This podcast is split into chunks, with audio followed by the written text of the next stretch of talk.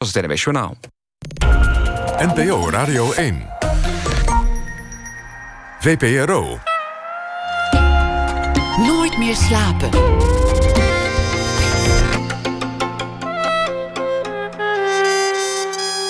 Met Pieter van der Wielen. Goedenacht en welkom bij Nooit meer slapen. Zometeen komt Cham Rosie op bezoek na één uur. Ze heeft een nieuwe EP uit, Never Give Up. En ze komt ook een eh, lied zingen hier in de studio. Het is een jaar geleden dat Wim Brands overleed, dichter en programmamaker. We staan erbij stil na ene. Dan praten we met Thomas Verbocht, want die heeft een bloemlezing samengesteld met uh, werk van Wim Brands. En er komt ook een uh, biografie door vrienden. Elke week uh, deze, of elke nacht deze week een verhaal van Karin Amatmoekrim over de voorbije dag. Dat hoort u ook na ene. Maar we beginnen met Tania Cross. Ooit als kind, lang geleden, hoorde ze op Curaçao een stuk uit Carmen op televisie. Thuis werd er andere muziek gedraaid.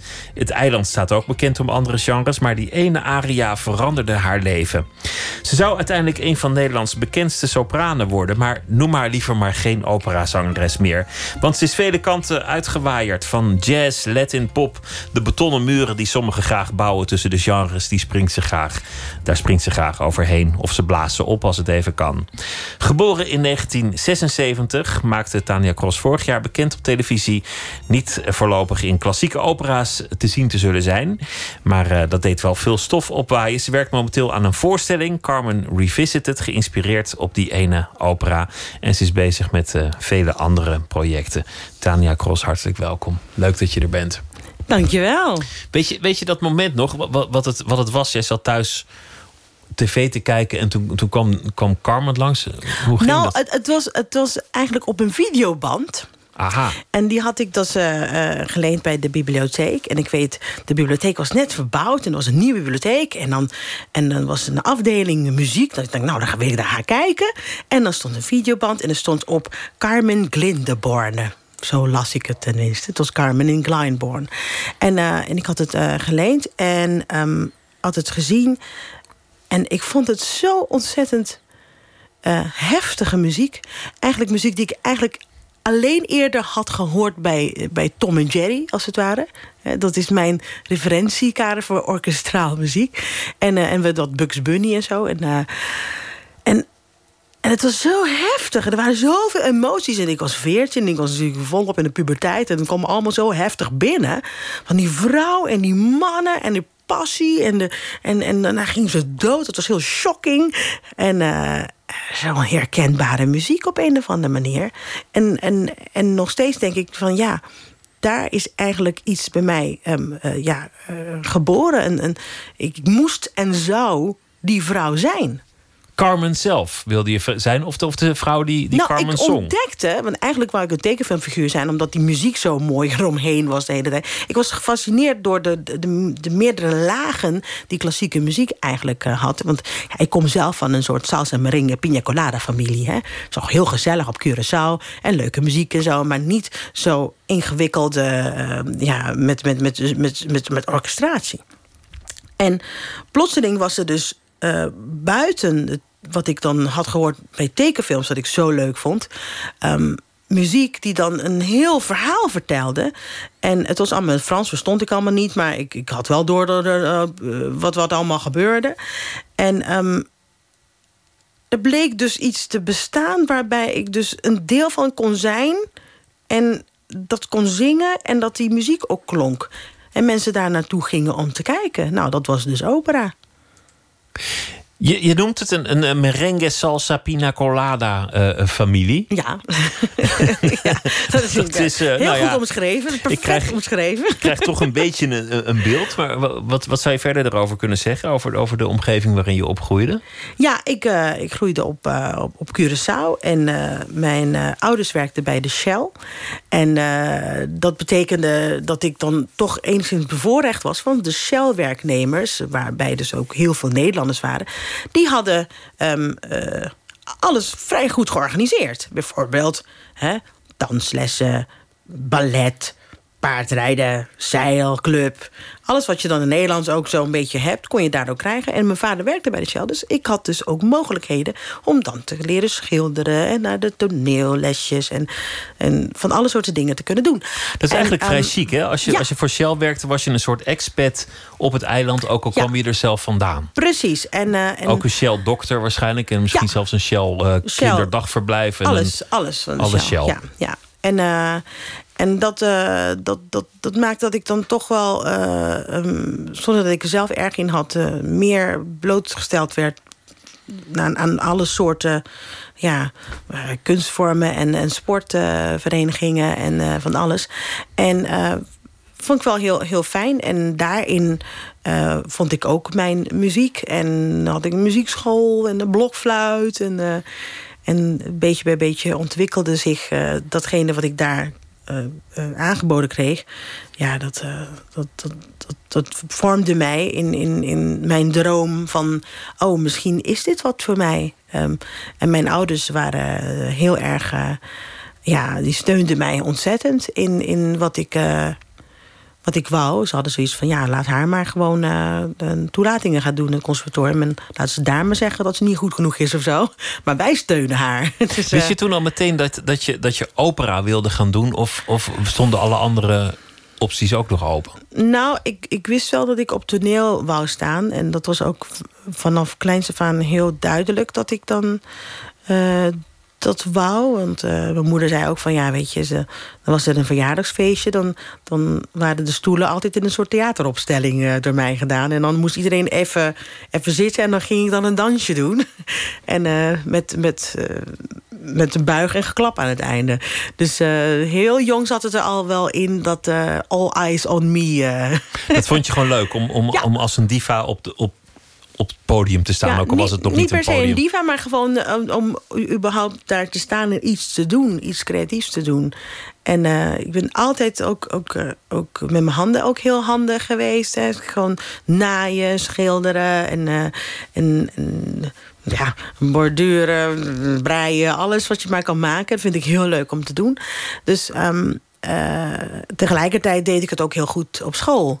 Dus mijn ouders hadden geen reden om te zeggen van... ja, maar uh, dit mag je niet omdat je het op school niet goed doet. Nee, dat ging ook prima. Dus uh, ik kon naar hun inziens, hun, hun eilandblik... kon ik dan het grote, grote moederland Nederland wel aan. Ik zei diva omdat er nou eenmaal een soort, soort neurologische link bestaat tussen, tussen opera en diva. Als iemand, iemand opera zingt, dan, dan ligt het woord diva al, al op, op de lippen besloten. Die, die gaan het al bijna zelf zeggen. Terwijl um, ik bedoel diva van op het podium, hè, groots en, en, en meeslepend daar staan. Maar als persoonlijkheid ben je, ben je verre van een diva. Alles ja, behalve volgens nou, mij. Weet je, de afgelopen jaren is, eh, is het, het, de diva-woord uh, een beetje een, een soort scheldwoord geworden. Omdat, uh, weet ik veel, Gerard Joling is een diva of zoiets. Of een oh, diva-gedrag. Ja. Of, uh, Op die en, manier. Uh, ja, en dan dat vond ik zo jammer. Want ik dacht van, goh, je hebt prima donna's, die zijn hè, ballerina's. En je hebt de diva's, die zijn de zangeressen. En het is gewoon het, het, het, het, het goddelijke stem. en, en, en dat je dan als zangeres, of zeker zangeressen in het verleden... als een soort muze was van, van, van componisten waarbij je eigenlijk als vrouw niet eens kon stemmen, niet eens over straat kon, niet eens een stem had, maar toch wel de mooiste partijen op aarde voor jou werden geschreven. Ja, en dat je dat ook mocht uitvoeren. Dat je als vrouw een, een, een inkomen kon hebben... doordat je dan een, een strot had. Ja, dat vind ik gewoon schitterend. Het is een van de oudste beroepen van de vrouw. Een van de, ja, er wordt vaak ook een andere genoemd in die, ik weet het, maar in deze die context. Ook. Deze ook. um, we gaan luisteren naar een fragment uit uh, de opera Carmen... gezongen door Maria Ewing... En volgens mij was dat ook wat jij toen op ja. die videoband uh, ja, ja, ja. zag. We gaan, gaan luisteren naar een, uh, een stuk uit Carmen.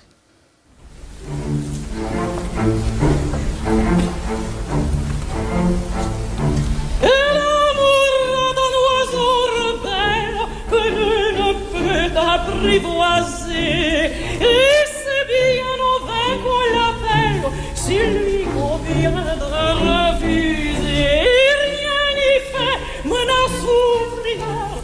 parle bien, l'autre se tait.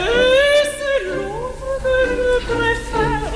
Il n'a rien dit, mais il me plaît.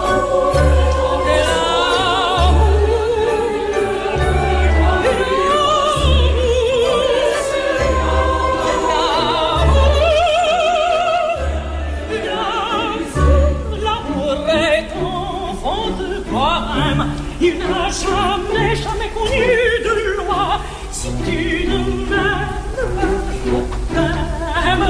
Si je t'aime, prends garde à toi. Si tu ne m'aimes pas, si tu ne m'aimes pas, je t'aime. Si je t'aime, si je t'aime.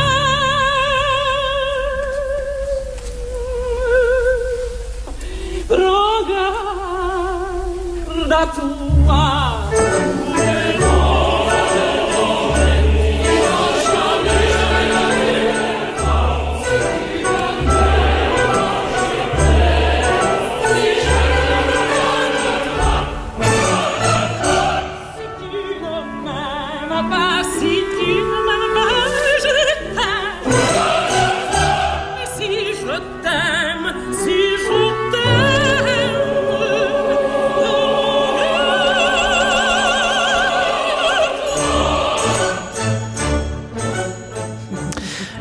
Carmen, wie, eh, wie het nog nooit gehoord heeft, heeft waarschijnlijk eh, een buitenaardse jeugd gehad of zoiets. Of eh, is net, net door de damkring naar binnen komen zeilen. Want dit is ontzettend bekend, Ja. dit, dit stuk. Ja, ja.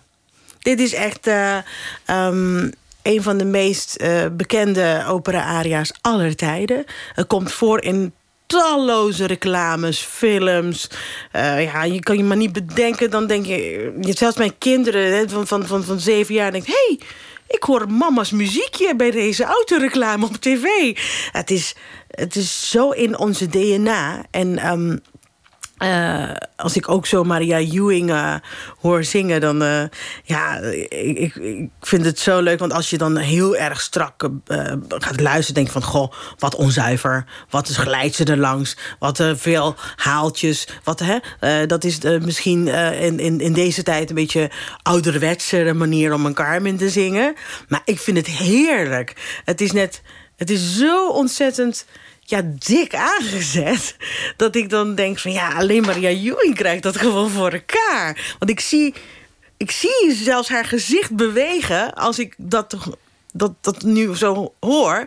Dan zie ik die grote lippen van haar en die, die dikke, ja, gewoon opgemaakte zwarte ogen. En een en al, ja, ja sensuele ja, Want daar gaat het over. Het is, het is verleiden. Ja, Carmen, Carmen is aan het, aan ja. het verleiden. Die, die probeert gewoon iemand uh, het hof te maken. Ja, maar ook gewoon uh, met, met, met haar eigen uh, ja, regels daarbij. En ze zegt heel duidelijk: luister, als ik. Um, als jij mij leuk vindt, ja, boeiend. er zijn zoveel mannen die mij leuk vinden. Maar als ik jou leuk vind, dan zou ik maar oppassen. Want ik kom voor je. En ik krijg je. En ik krijg je. Het gaat me lukken. Geen probleem, ja. En dat, dat, uh, dat is, is, is, mooi van die, van die Carmen-rol. Want toen, toen het ook uh, een 142 jaar geleden in première ging... in de Opera Comique in Parijs... toen... Uh, werd het helemaal niet goed ontvangen. Ze vonden het niet uh, familie, uh, familievoorstelling. En het was allemaal, nou, nou, nou, die Carmen was een beetje, een beetje losbandig en zo.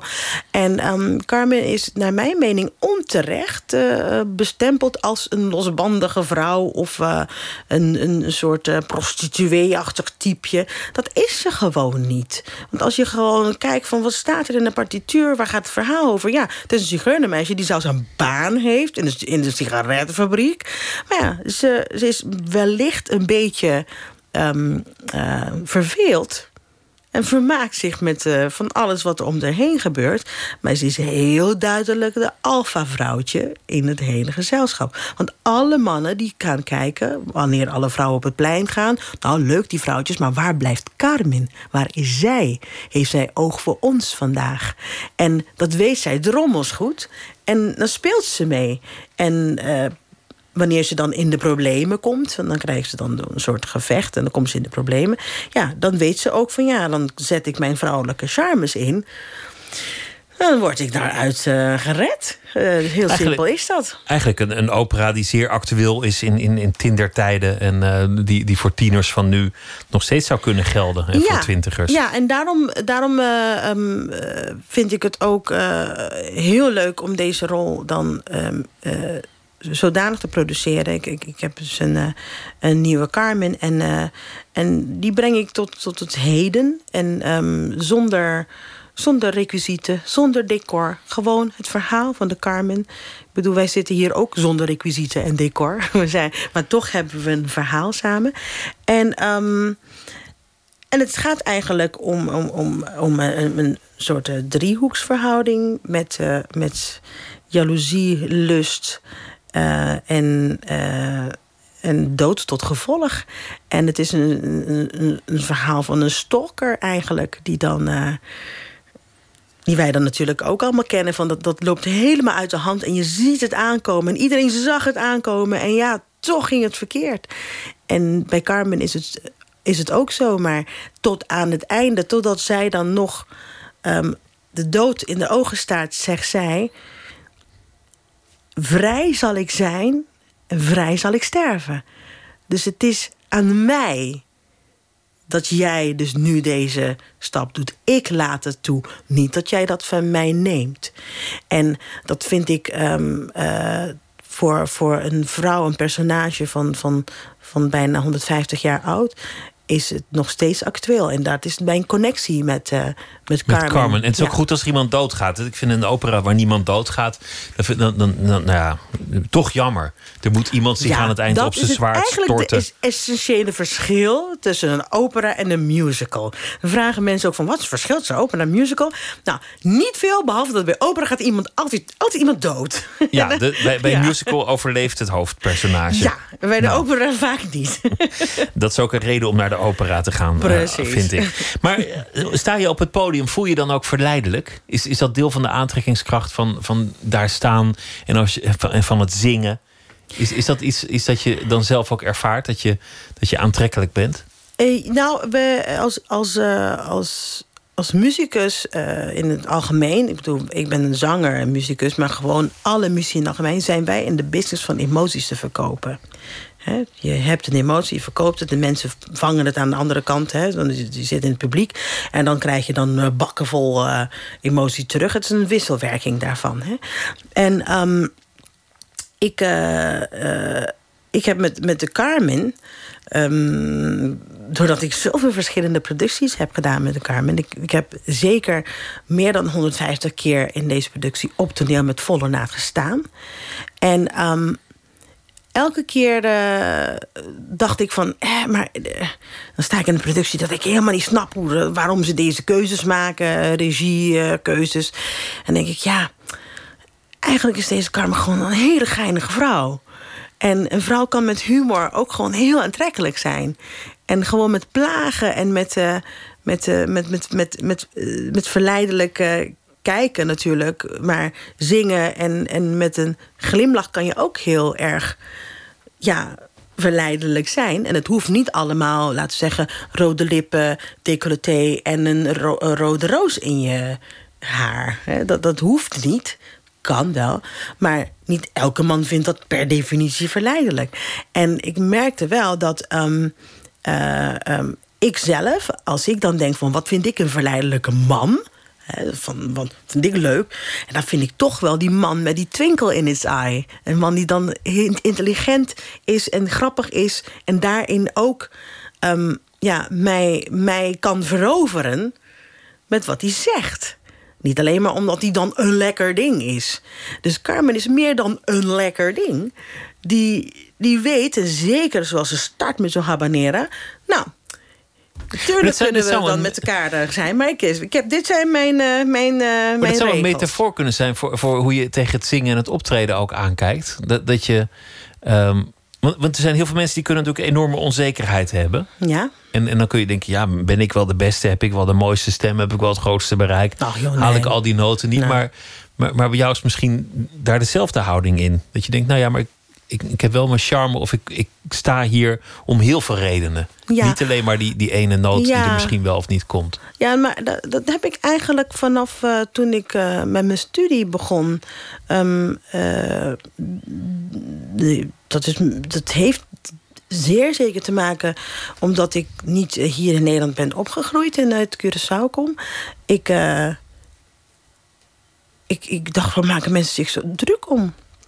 We zijn gewoon aan het zingen. We zijn niet, eh, ik, ik, we zijn niet bezig met een tentamen van... eh, dat ik dan een chirurg ben en dat ik dan een open hartoperatie aan het doen ben. We zijn aan het zingen.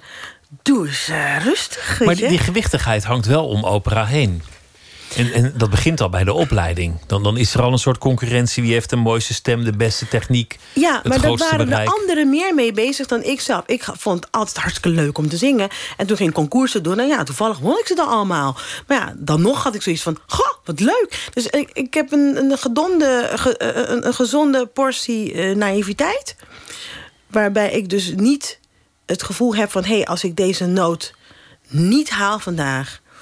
eh, of wel haal, of, eh, stel ik, ik haal een hele hoge noot niet... Nou, dan, dan vergaat mijn wereld echt niet. Dan denk ik, nou, oké, jammer... maar dan doe ik mijn best voor de volgende keer. En, ehm, eh, en het is dus wel zo dat ik dan wel het gevoel heb dat, dat anderen om mij heen meer door hadden van wat ik dan voor talent had dan ik zelf.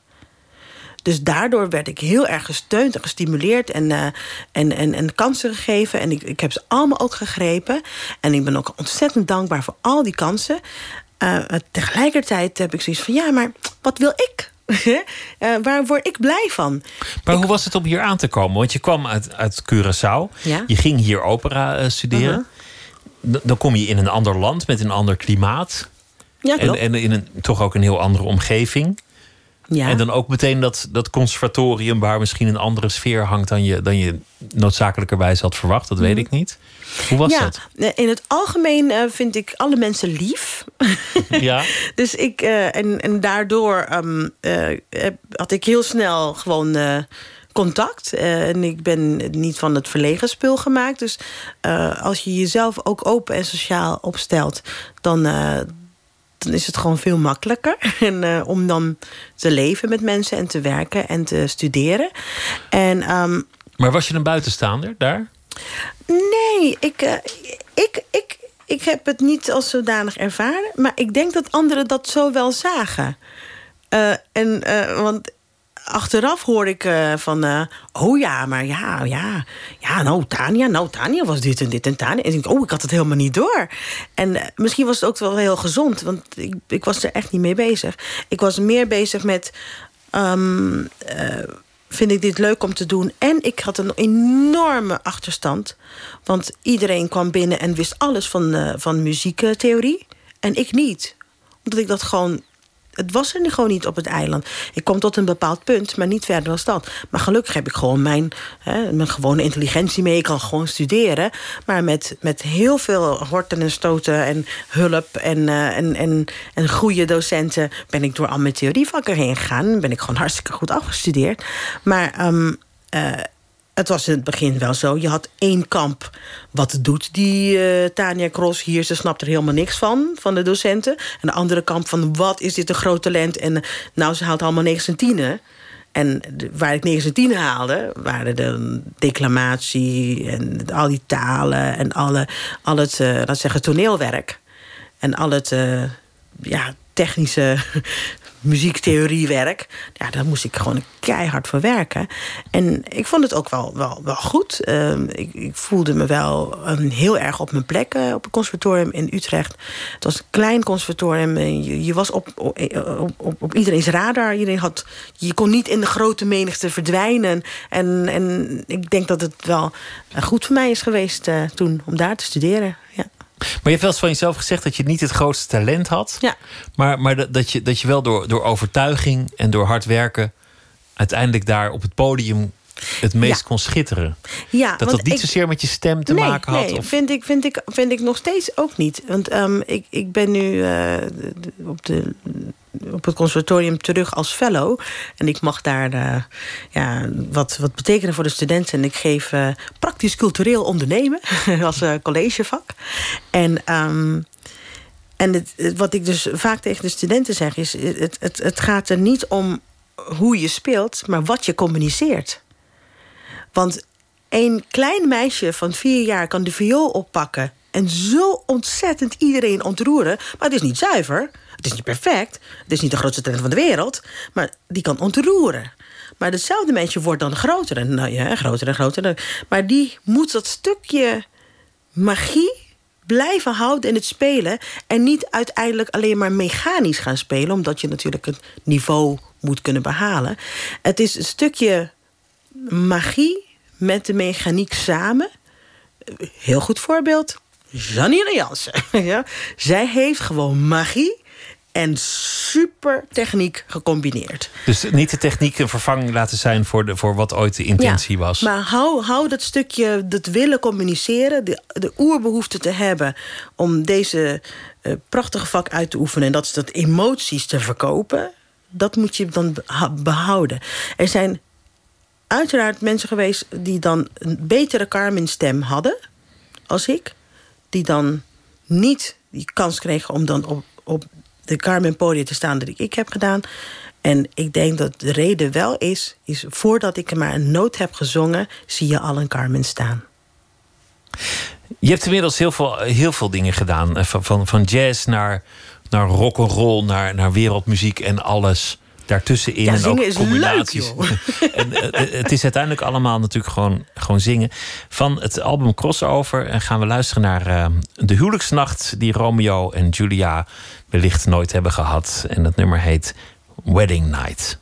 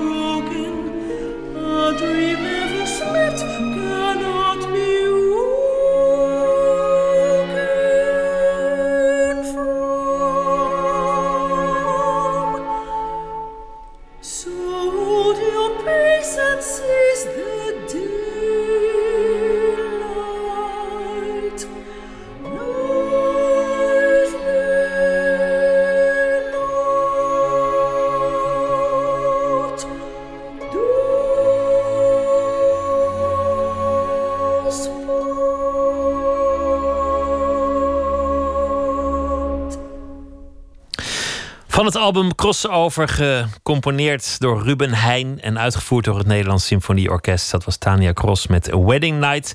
Tania zit uh, tegenover mij. Um, dit is een van de vele dingen die je nu doet. Het is gewoon muziek geworden, niet meer strikt opera.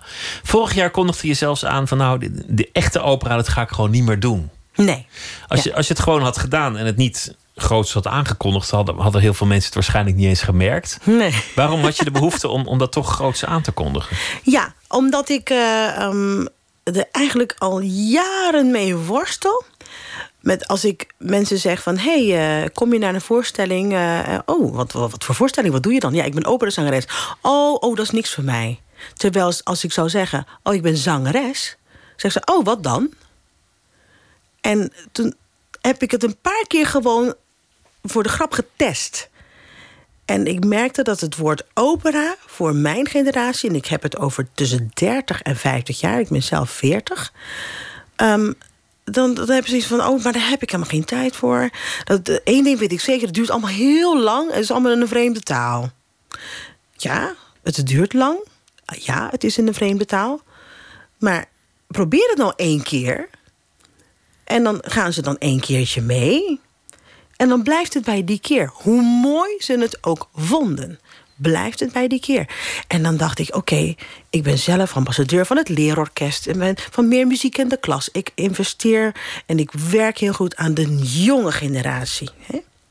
En de generatie die nu naar de opera gaan... zijn de, uh, laat zeggen, de rijpere generatie. De, de, de, de pensionado's die dat één kunnen betalen, die de rust in hun hoofd hebben om het tot zich te nemen. En je hebt natuurlijk ook jongere mensen die dan, laat zeggen, de, zijn opgegroeid of in aanraking zijn gekomen op een jongere leeftijd met klassieke muziek en opera en die er toch naar de voorstellingen gaan. Maar ze zijn niet in de meerderheid. Dus ik dacht wel, ik moet iets doen om die generatie 30 tot met 50 ouders met kinderen die dan ook denken van ja, als ik dan naar de opera ga en ik ga met twee vrienden en mijn vrouw en, uh, of mijn man en ik, uh, ik nodig hun uit, dan kunnen we ook met hetzelfde groepje ook naar Barcelona voor een weekend.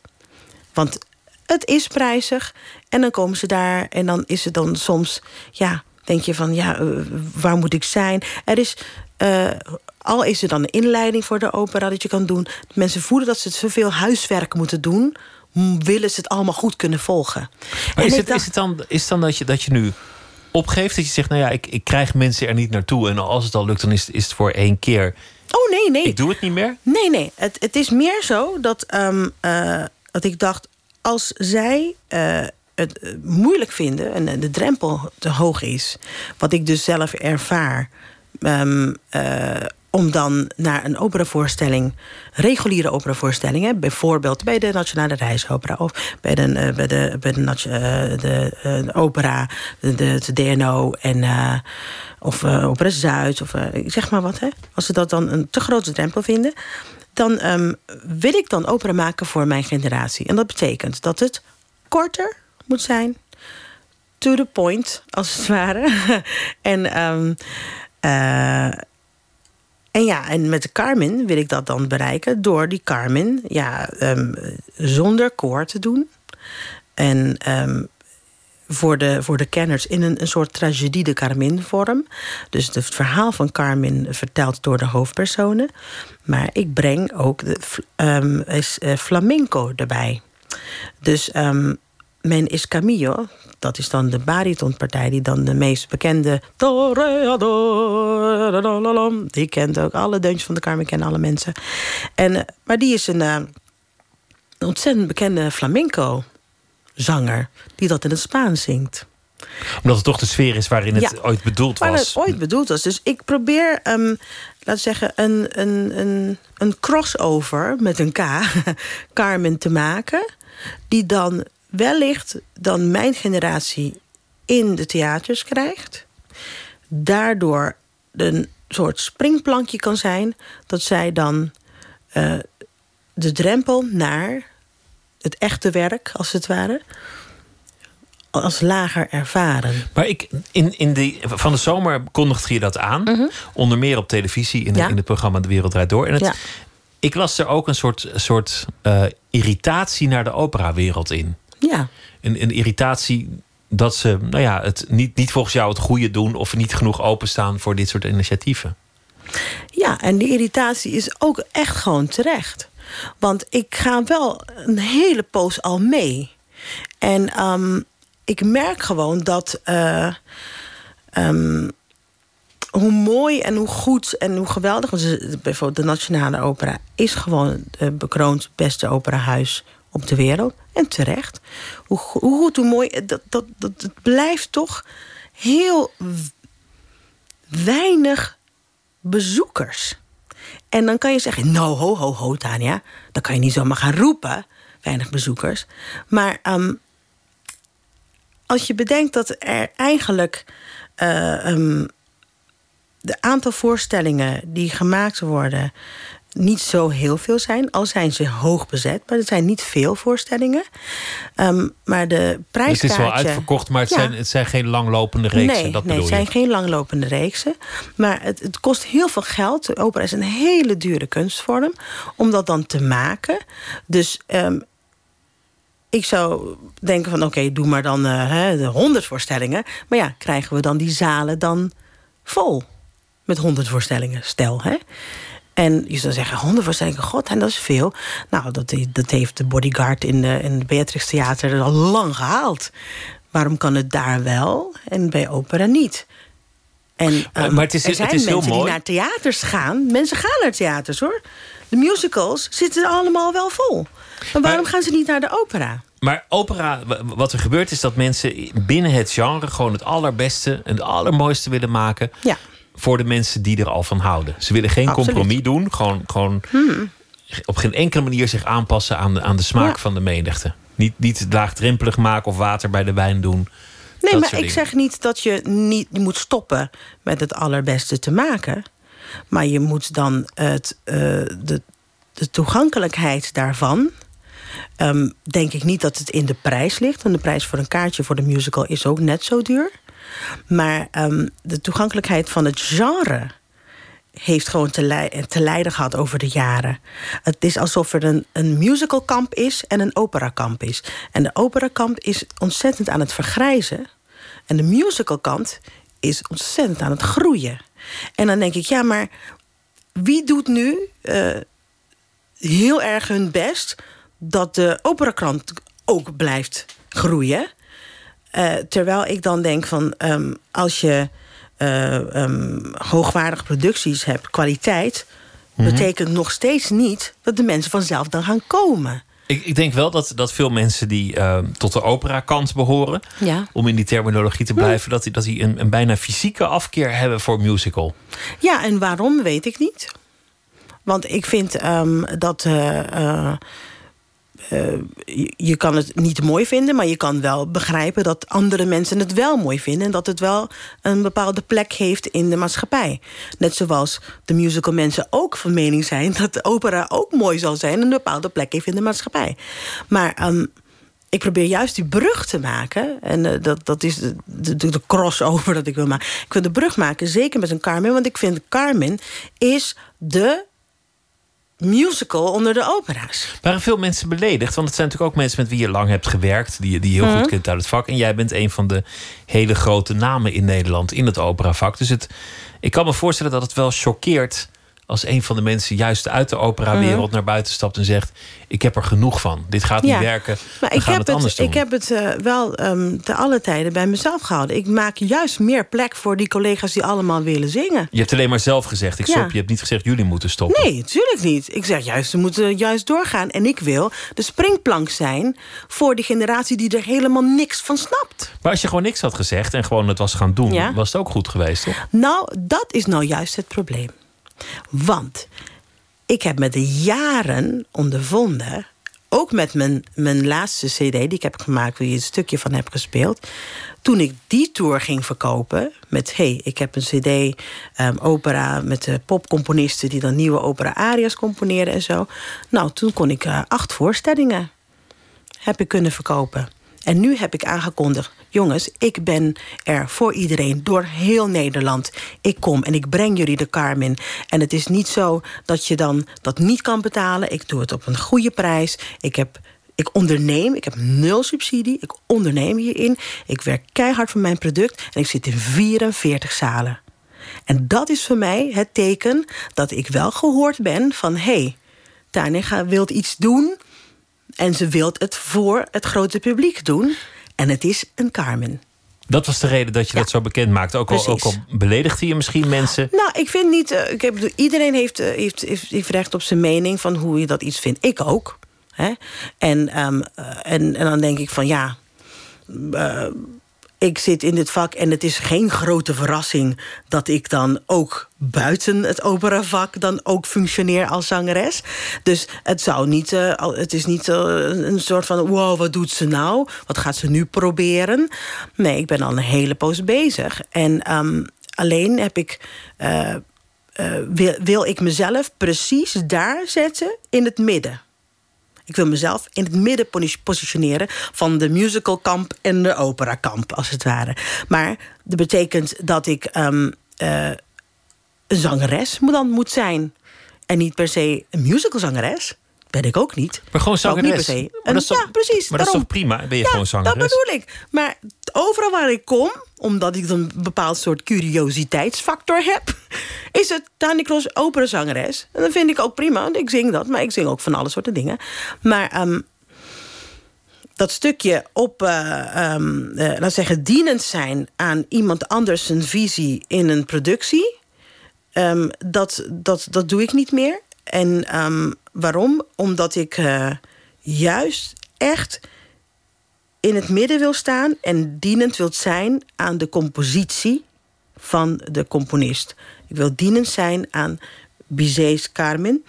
En mijn visie daarop en waarom deze nummers van Bizet en deze opera al voor 142 jaar de meest populaire operastuk is aller tijden. Dat wil ik doen. Ik wil dat niet doen doordat ik, en dat had ik toen bij de Wereldrijd Door ook uitgelegd ik zat in een productie in, uh, in, in, in, uh, in Duitsland. En was ik Marilyn Monroe. En er was een zwangere groene kikker. En die was de hele tijd met een upstage. En er, was, um, er waren kliniek, niet het was zo'n horrorclowns. Het hele koor was, waren horrorclowns. En ik, het maar was mijn. Ansenering ja, allemaal vorm... ansenering met de muziek van Bizet, die nog fantastisch is. Maar die ansenering was zo, zodanig um, uh, heftig dat ik elke avond daar stond... terwijl ik... Ik ben één bol zonneschijn, zeg ik altijd. Ik vind het allemaal leuk om te zingen. Maar elke avond stond ik daar gewoon me ellendig te voelen... omdat iemand heeft besloten dat dit dan zo moest zijn. Terwijl het hele publiek elke avond boer roepte, eh, of riep. En dan denk ik van ja, nee, ik wil dit niet meer. Want ik vind, ik vind het... um, en het was specifiek die productie dan... Um, ik vond het zo respectloos naar Bizet toe. Want wij zijn, onze stemmen, die komen uit onze ziel. Die komt uit ons, ons, ons orgaan van onze... Hè, dat komt uit je lijf. En het, het coördineert niet met wat ik dan moest spelen... Terwijl, dan, de muziek zo goed is. Terwijl het een poging is om vernieuwend te zijn. Want, da, ja, en dan denk ik ja. van waarom, waarom moeten we vernieuwend zijn? Waarom is het niet al, al goed? En ik wil, ik wil gewoon datgene dat al goed is... al voor 142 jaar goed is... gewoon aan de mensen geven. Zoals mij ook is gegeven toen op de videoband op Curaçao. Van Bizet naar uh, Maurice Ravel. Want uh, we hadden het over Carmen, maar we gaan nu luisteren naar een, uh, een van de chansons Madecas. Mm. een van jouw favoriete stukken. Ja.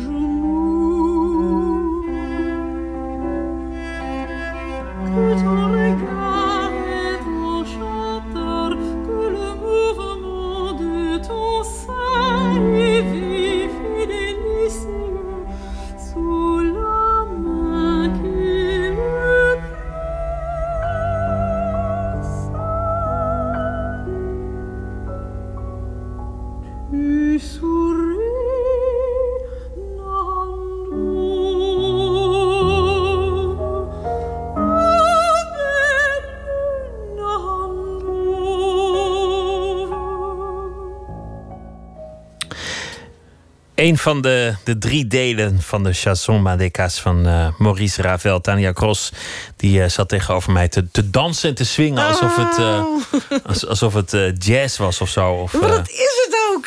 Het is zo mooi. Het is, ik vind het zo'n prachtig nummer dit. Het ontroert me elke keer weer. Ik kan er niet genoeg van krijgen.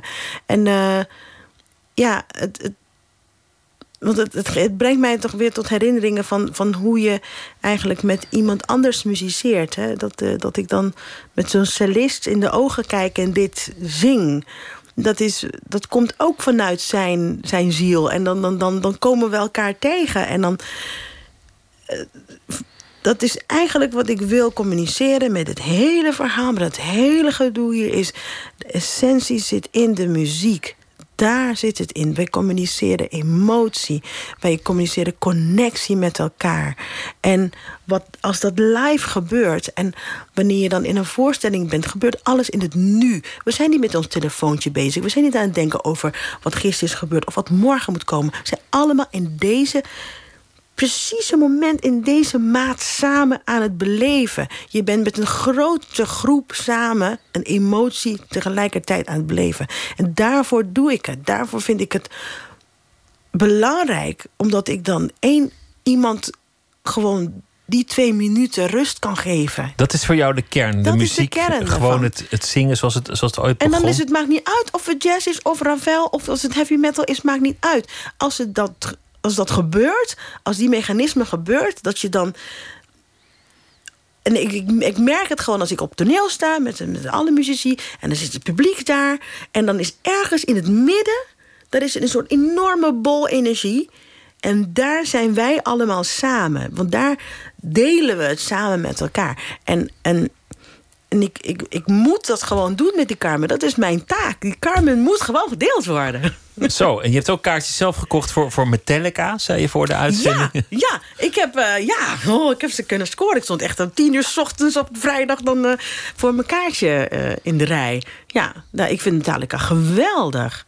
Ze hebben, mens, mensen onderschatten die mannen, maar ze hebben prachtige. ehm, eh, ja, vrij ingewikkelde ja, speeldoosjes, composities en het begin van nummers.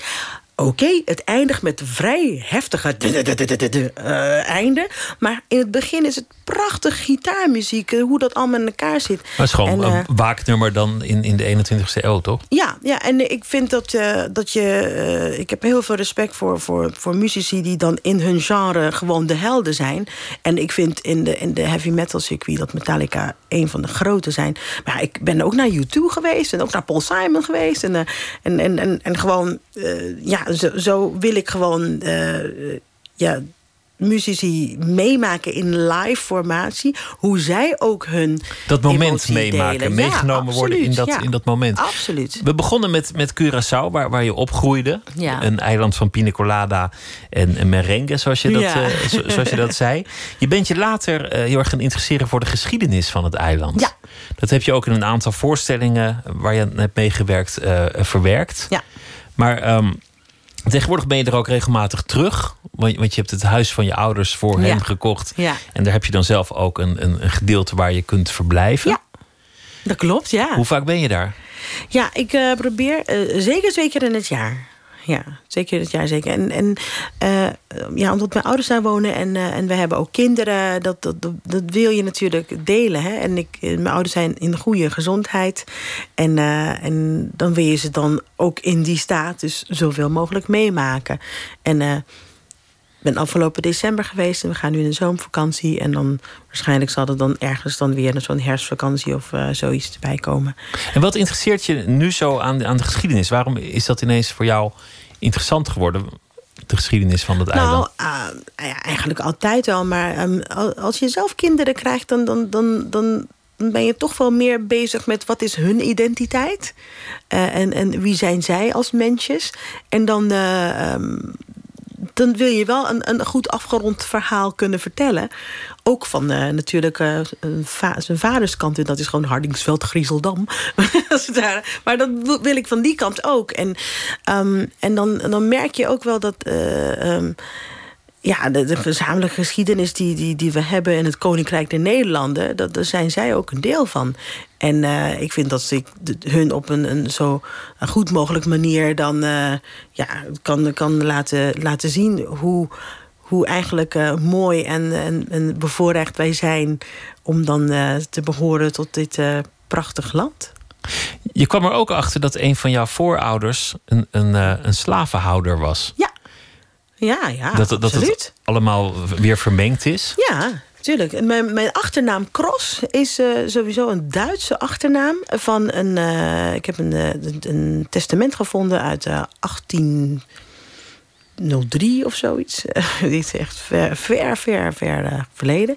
En daar er stond in dat hij dan. ehm, eh, ja, een, zijn, in zijn testament stond dat hij zijn, zijn, zijn bezittingen achterliet voor zijn, eh, voor zijn eh, wettige kinderen. En dat zij, waren de kinderen van Slavin Santje. Eh, dus via het testament werden zijn halfbloedkindjes dan ja, erkend. Dus je hebt in, in, jouw, trouwen. in jouw voorouders zowel slaven als slavenhouders. Ja, allebei. Die twee, Allebei. Over, over bruggenbouwen gesproken. Ja, precies. Dus ehm, ik, kan, ik kan niet in, in, in, in, in, zeggen van ik ben zwart, want dat ben ik niet. Ik kan niet zeggen ik ben Joods, want eh, mijn oma van mijn moeders kant is Joods. Dus eh, in principe ben ik dan ook Joods, maar dat ben ik ook niet.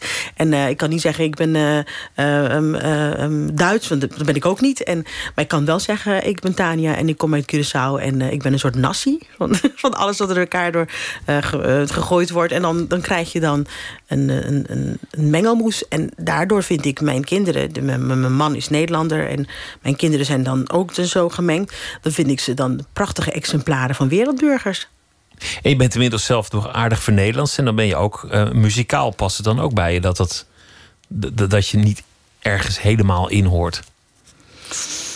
Ja, ik weet niet of dat heeft te maken met vernederlandsen. Ik, Nee, maar ik denk, ik denk dat het ermee te maken heeft met dat, dat je altijd een klein beetje overal langs de rand stond. En Nou, ik, dat, dat, is wat, wat, dat is wat andere. Eigenlijk ben ik er gewoon altijd gewoon mezelf geweest. Maar Nederland is een soort hokjesland. Dus zij hebben dan meer de neiging om dan te zeggen... oh, waar ben je? Je bent daar en daar hoor je dus in. En dan, oeh, nu voelen we ons veilig. Ik denk van, nou, dan ben ik maar helemaal niet. op Curaçao kant op. gebeurt dat vast ook wel, toch? Nee, nee, nee. We zijn daar echt niet mee bezig. Ik ben daar niet op Curaçao geboren en zeg wie, wie ben ik en waar hoor ik en wat doe ik. En eh, nee. Maar het kan te maken hebben met, met dat ik dan gewoon kind was en daar niet bewust van ben. Maar mijn ouders zitten ook niet zo in elkaar. Maar dan was je toch op zijn minst een shellkindje. Dat is toch ja, wel iets. dat wel. Maar goed, mijn ouders waren geen, eh, niet, zijn heel arm opgegroeid. En, eh, en die hadden zoiets van... nou, alle mogelijkheden die wij kunnen bieden aan onze kinderen... die pakken we. En dat is ook heel goed van ze geweest. Dus eh, ja, ik, ik denk niet... eh, ja, ik, ik woon al nu 21 jaar in Nederland. Maar als ik in Nederland ben en ik ga naar Curaçao... zeg ik, ik ga naar huis. En als ik op Curaçao ben en ik vlieg terug naar Nederland... zeg ik, ik ga naar huis. Altijd thuis. Ja, altijd thuis. Dat is een mooie mentaliteit. Die, ehm, die voorstelling waar je het over had, eh, over Carmen, dat, dat is ook een teken dat je, dat je zelf houdt van het ondernemen. Want dit, dit is Ja. wel iets wat je zelf in gang hebt gezet. En, en je, je hebt eindeloos Ja. aan de telefoon gehangen. En mensen Ja. over de streep getrokken. En, en er echt voor ge- gevochten om dit gedaan te krijgen. Ja, dat is waar. En, eh, en, en dat is eigenlijk eh, mijn. ehm, wat ik. eh, als je zegt van, hè, wat, wat heb ik daar bij DVD gedaan? En gezegd dat ik geen operazangeres eh meer wil zijn. Eigenlijk heb, wat ik heb gedaan is, heb gezegd... ik ga opera produceren. En dat heb ik ook toen daar gezegd, maar dat komt dan minder over. Maar ik ga dan opera's produceren. Ik heb al een aantal al gehad. Een aantal voorstellingen en cd's dat ik zelf producent van ben. Maar ehm, nu wou ik duidelijk eh, zeggen, zeggen van... hey, wat je gaat zien is niet wat iemand van mij wilt... maar wat ik van mezelf wil. En wat ik dan creëer en wat ik dan wil communiceren. En ehm, dat heb je als, laat zeggen, reguliere operazanger dat ben je de laagste op de hiërarchische ladder om maar iets te beslissen. Behalve dat je dan je partituur goed moet studeren en moet zingen. Maar als je naar de repetitie komt, dan ben je ten dienste van wat er van jou gevraagd wordt te doen. En dit is jouw, jouw baby, deze Ja. voorstelling. Ja, dat is een, een, een van mijn baby's. Ik had ook natuurlijk de Papiamestalige Opera als mijn baby... en eh, mijn eigen theatertour daarvoor. Maar ik heb die ervaring opgedaan... en nu kan ik met eh, volmondig zeggen... eh, ik kan gewoon produceren, ik kan iets leveren op toneel... en ik heb 44 eh, stuks Carmen te gaan door heel Nederland. Dus ik zou zeggen, koop je kaartje en kom naar de voorstelling. En zing 44 mee. stuks. Van mij mag je meezingen. Carmen Revisited. Dankjewel, Tania Cross. Was leuk om je te gast te hebben. Dankjewel. En veel, eh, veel succes.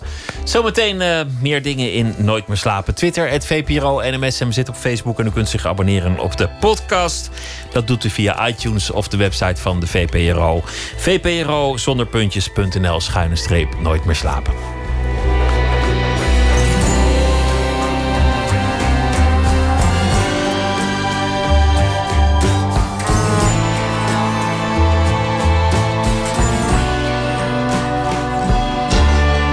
Radio 1. Het nieuws van alle kanten.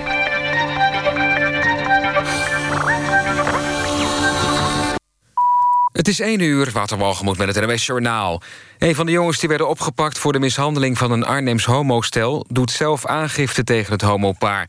Zijn advocaat zei in tv-programma Pauw... dat de twee mannen afgelopen weekend zelf de confrontatie zochten... en ook de eerste klap uitdeelden. Pas daarna zou het homostel zijn aangevallen. De advocaat ontkent dat de geaardheid van de twee een rol speelde... en zegt dat niet alle verdachten een Marokkaanse achtergrond hebben... zoals het homostel zei. Er worden zes jongens van tussen de 14 en 20 jaar verdacht van de mishandeling. Volgens persbureau Interfax is de bomaanslag op de metro in Sint-Petersburg... door één dader gepleegd die zichzelf heeft opgeblazen. Hij zou een radicale moslim van 23 jaar zijn uit Centraal-Azië. Eerder werd gezegd dat de Russische politie op zoek is naar twee mannen. Maar volgens Interfax heeft de tweede man zich gemeld... en is hij niet langer verdachte. Bij de bomexplosie in de metro van Sint-Petersburg... kwamen zeker tien mensen om en raakten tientallen passagiers gewond. In een andere metrotrein was een tweede bom geplaatst... maar die ontplofte niet. Het Europees Parlement is kwaad op minister Dijsselbloem... omdat hij niet wil komen praten over Griekenland. De voorzitter van de Eurogroep zegt dat hij dat vorige week al heeft gedaan... en zegde daarom de vergadering van komende dag af. Het parlement heeft zijn besluit unaniem veroordeeld. Een parlementariër van de ChristenUnie zegt dat Dijsselbloem... in feite persona non grata is geworden in het Europees Parlement. De gemeente Rotterdam is erg tevreden over een proef... om zwangerschappen bij kwetsbare vrouwen te voorkomen. Tot nu toe stemmen de meesten in met vrijwillige anticonceptie. Sommigen denken er nog over na. Niemand heeft nog geweigerd. Het gaat om vrouwen die bijvoorbeeld verslaafd zijn... of een verstandelijke beperking hebben. Het weer vannacht is het nevelig en kan lokale mistbank ontstaan. Minima liggen rond de 3 graden. Overdag periode met zon, maar vooral in het westen ook kans op lage bewolking. En het wordt zo'n 15 graden. Dit was het NWS Journaal. NPO Radio 1. VPRO. Nooit meer slapen.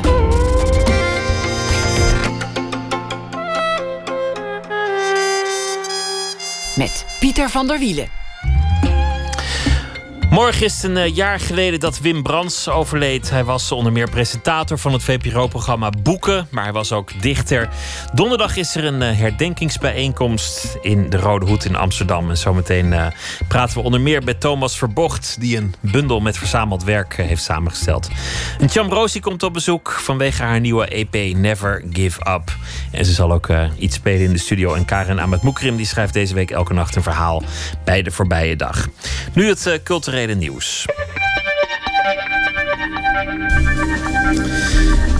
Muziektheatercollectief Club, Club Gewalt gaat een opera maken over turner Yuri van Gelder. Want het eh, verhaal van de man blijft natuurlijk de verbeelding eh, prikkelen. De titel is alvast leuk gevonden, Lord of the Rings. En aanleiding is van Gelders disqualificatie op de Olympische Spelen van vorig jaar. Zelf zegt eh, Club Gewalt dat ze niet willen inzoomen op het persoonlijk drama, maar dat ze in Van Gelder een symbool zien van kracht, falen en onvermijdelijk doorgaan. De première van Jury is in mei tijdens de Operadagen in Rotterdam.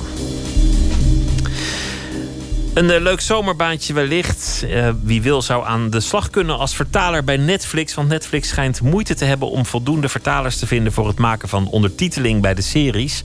Je moet uh, slagen voor een vertaaltest die het bedrijf zelf heeft ontwikkeld. En voor het vertalen van een minuut Engelse video naar het Nederlands krijg je 11,50 dollar. De Boekenweek is voorbij. Op zondag uh, gisteren was het traditioneel vrij reizen met het Boekenweekgeschenk als uh, kaartje. 250.000 mensen maakten daar gebruik van en zaten in de trein op vertoon van het Boekenweekgeschenk. De Intercity naar Groningen zat zelfs zo vol met Boekenweekreizigers dat de conducteur besloot niet verder te reizen dan Zwolle. En toen moesten de mensen dus op het uh, perron gaan lezen. De Amerikaanse antropoloog Mark Neupert die bestudeert normaal gesproken inheemse stammen op de Filipijnen of in het Amazonegebied. Nu heeft hij een nieuwe fascinatie gevonden, een bevolkingsgroep die hij net zo bijzonder schijnt te vinden, namelijk de Leidenaar, de inwoners van Leiden. In het Museum Volkenkunde in die stad wordt komend weekend de film vertoond, Cobblestone Stories, oftewel kinderkopjesverhalen. En Neupert is vooral onder de indruk van het historisch stadsplan. Hij ziet daarin een voorbeeld voor alle steden in de wereld, zoals Leiden eruit ziet, zouden meer steden dat moeten aanpakken. Aan de telefoon stedenbouwkundige Remco Slavenburg, die uh, de film al heeft gezien. Goedenacht. Goedenavond. Dag. Ja, ja voor uh, Mark Neupert is het ook een, een soort voorbeeld. Hij, hij, roemt de stad Leiden als een voorbeeld voor hoe een stad moet zijn. Wat, wat, wat bedoelt hij daarmee? Ja, wat hij daarmee bedoelt, dat is natuurlijk uh, meer aan hem, zeg maar. Maar wat ik denk dat hij uh, bedoelt, is dat een stad ja, voor mensen moet zijn. En ja, hij zegt het ook letterlijk af en toe niet voor auto's. Dus het is een, een Leiden een stad ja, waar mensen kunnen leven, zeg maar. Een overzichtelijke stad. Hij, hij roemde ook het feit dat je er kunt fietsen en, en wandelen. Je hebt de film al gezien. Wat, wat, wat heeft hij allemaal laten zien? Ja, hij heeft denk ik heel veel dingen laten zien die heel veel mensen wel kennen. Uh, zeker mensen die in uh, oud-Hollandse steden wonen. Uh, in die zin is Leiden natuurlijk niet heel erg veel verschillend van heel veel andere historische binnensteden. ja, voor mij was het in ieder geval een feest van herkenning om, ja, om te zien ja, hoe, ja, hoe er geleefd wordt in een stad een feest van herkenning. Hij interviewt gewoon mensen. Hij, hij laat zien wat, wat voor rituelen ze doen. Wat, wat, is, wat is de fascinatie? Wat, wat blijkt er uh, over uit de film? Nou, ik denk dat ja, er zijn volgens mij twee soorten fascinaties. Het ene is de fascinatie voor het dagelijkse. Hij laat eigenlijk best wel lang ja, gewoon iemand zien die bijvoorbeeld boodschappen doet op de markt. En uh, hoe die daar naartoe loopt. En uh, ja, dat, dat je dus ook daar gewoon naartoe kan lopen. Dat je uh, ja, niet dingen die met de auto hoeft te doen. Dat, je, uh, dat dingen dichtbij zijn. Dat je in een tuin in de binnenstad zelfs nog ja, allerlei groenten kan telen en dat soort dingen. ja, hij laat het leven van de, van de stad zien.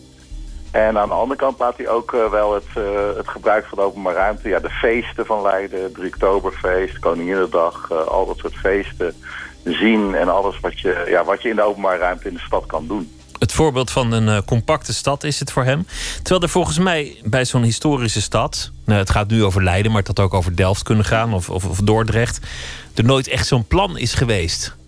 Of vergis ik me daarin? Nou, er zijn natuurlijk altijd wel plannen geweest, zeker in de 17e eeuw. Uh, onder onder leiding van Simon Stevin. die heeft wel allerlei ideeën geuit over hoe je een stad moet, moet uitleggen... en hoeveel maat je eigenlijk nodig hebt voor, voor grachten, voor, voor gebouwen. Maar een groot deel van de stad is natuurlijk gewoon organisch gegroeid. Alleen het is organisch gegroeid toen er nog geen auto's waren, toen er nog uh, ja, toen, toen uh, uh, beweging nog veel anders was. en Mensen zaten veel meer in een stad, gingen een stad vaak niet, niet, ook niet vaak uit. Um, en ja, dat, dat zie je dus nog steeds terug. en je ziet dat mensen eigenlijk, denk ik, tenminste dat komt in die, in die film naar voren, ook wel weer een hang hebben zeg maar, naar, naar, om die stad te hebben. Dus niet meer de stad van de grote bewegingen, de auto's, de drukte... maar juist ook een beetje de stad van, uh, ja, van de rust, van de nabijheid... van uh, iedereen die elkaar een beetje kent. Ja, het uh, flaneren. Ik woon zelf ook in Leiden. Bij de, de, de foto in de krant over de film zag ik al één bekende. Die mhm. had ik alvast in de pocket. Ik dacht, hé, hey, dat is Ben. Met zijn mooie fiets en zijn mooie pak. Hoeveel bekenden zag jij? Want, want jij bent ook Leienaar. Nou, ik ben uh, officieel geen Leienaar, want ik woon in Warmond. Oh nee, dat uh, een dorpje verder, dus uh, daar moet je altijd mee oppassen met dat soort dingen. Ja, dat telt ik niet echt. Over, ik voel me overigens wel, wel Leienaar. ja, je komt natuurlijk heel veel bekenden tegen. Gerard van der Hoorn, die, die een wat prominente rol speelt... omdat hij daar een wat langere zeg maar, joggingpad had. van binnen de stad naar buiten de stad ken ik goed... Maar ja, uh, bij al die beelden, je ziet altijd bekende. En dat is natuurlijk wel het bijzondere van Leiden ten opzichte van natuurlijk steden die wat groter zijn als Amsterdam. Ja, dat je, dat je als je naar de, naar de markt gaat, dat je al zes bekenden bent tegengekomen voor je de visboer hebt bereikt. Ja. De film die uh, zal te zien zijn, Cobblestone Stories. Uh, eerst in het Museum Volkenkunde in Leiden en daarna ook op andere plekken. En één iemand is helemaal overtuigd van, het, uh, van de voorbeeldfunctie van Leiden. Mark Neupert, een Amerikaans antropoloog. Remco Slavenburg, dank je wel. alsjeblieft.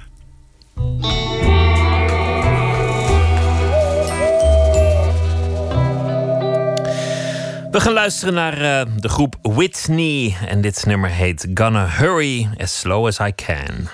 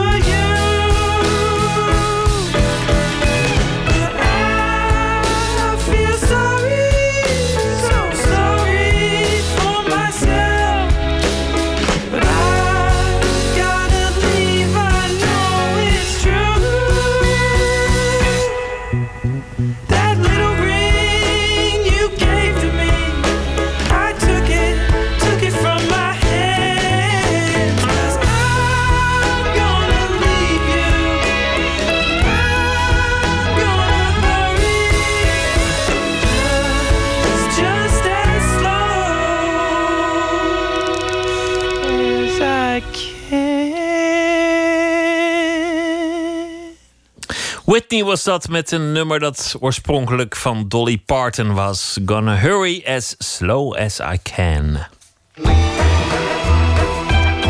Nooit meer slapen. Morgen is het alweer een jaar geleden dat Wim Brands overleed. Voor het grote publiek vooral bekend als presentator van radio- en televisieprogramma's. Vooral het programma Boeken. Maar hij voelde zichzelf in die eerste plaats toch dichter. Deze week verschijnt het verzameld werk samengesteld door zijn vrouw Monique en door zijn vriend Thomas Verbocht. We gaan luisteren naar een bijdrage van Tjitske Muschem.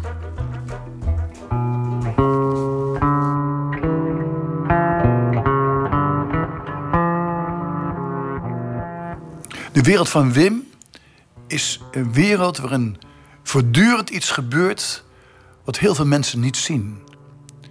En waarvan het jammer is dat mensen dat niet zien. Schrijver Thomas Verbocht leerde Wim Brands begin jaren 90 kennen bij de VPRO. Verbocht was regelmatig te gast bij een boekenprogramma waar Brands stage liep. Nog heel stil en bescheiden in een hoekje. Wat later, Wim later helemaal niet meer was. En het klikte meteen. Wim Brands schreef sinds zijn achttiende gedichten. En hij had toen hij Verbocht ontmoette al twee poëziebundels op zijn naam staan. Studie gedichten op en daar zei ik iets over. Dat vond hij prettig. Hij zei, daar heb je wel gelijk in. Dat zei hij steeds vaker. En toen zei hij ook van... Uh, toen vroeg hij van, wil je niet gewoon altijd als mijn bundel klaar is... er heel aandachtig naar kijken? In die eerste bundel schrijft hij over zijn jeugd en het landschap van de Achterhoek.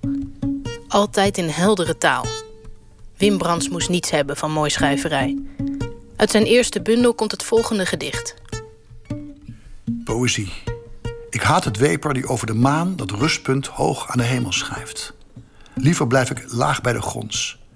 Registreer hoe gespierde zwemmer naar de weerspiegeling duikt. Het besef dat de maan dan niet hetzelfde blijft. In een typisch Wim-gedicht, inderdaad, geen gedweep met het hogere, geen gedweep met iets wat al heel vaak een grote woorden bezongen is. Nee, inderdaad, laag bij de grond over iemand die iets heel wonderlijks doet. Dat, dat, is, dat, is, dat is het, het kijken van Wim. Dat is het beleven van de werkelijkheid van Wim. Hij heeft zichzelf wel eens omschreven als een dichter die eigenlijk een journalist is, die observeert en een situatie neerzet en dat in een ander, in een ander licht plaatst. Ja, dat, dat, dat, dat, is, dat is juist. Uh, uh, journalist weet ik niet. Ja, wel waarnemer. Hij was, hij een uitstekend observator. En, en uh, daar genoot je ook van, van, van bepaalde beelden. Ook die je gewoon in het dagelijks leven zag. Hoe, hoe mensen elkaar even aanraakten. Of begroeten. Of door een, door een gebaar lieten zien dat ze iets afkeurden van elkaar. Als je dan met hem over straat liep, merkte je dat hem dat heel erg interesseerde. En je merkte ook meteen dat hij meteen woorden voor uh, wilde pakken. Het is, het is ook. Het is ook Wim was een groot bewonderaar ook van K. Schippers. ook niet voor niets. Ook iemand die dus heel uh, heel goed en scherp kijkt. En die ook leert kijken. En Wim was ook een bewonderaar van hem, ook omdat hij dat zelf ook wilde doen. Leren, dat, dat, dat zijn lezers ook beter leerden kijken. Het was een, in je nawoord schrijf je, het was een, een snelle schrijver, hè? Ja, volgens mij. Dat, dat, is een, een, een uh, veronderstelling.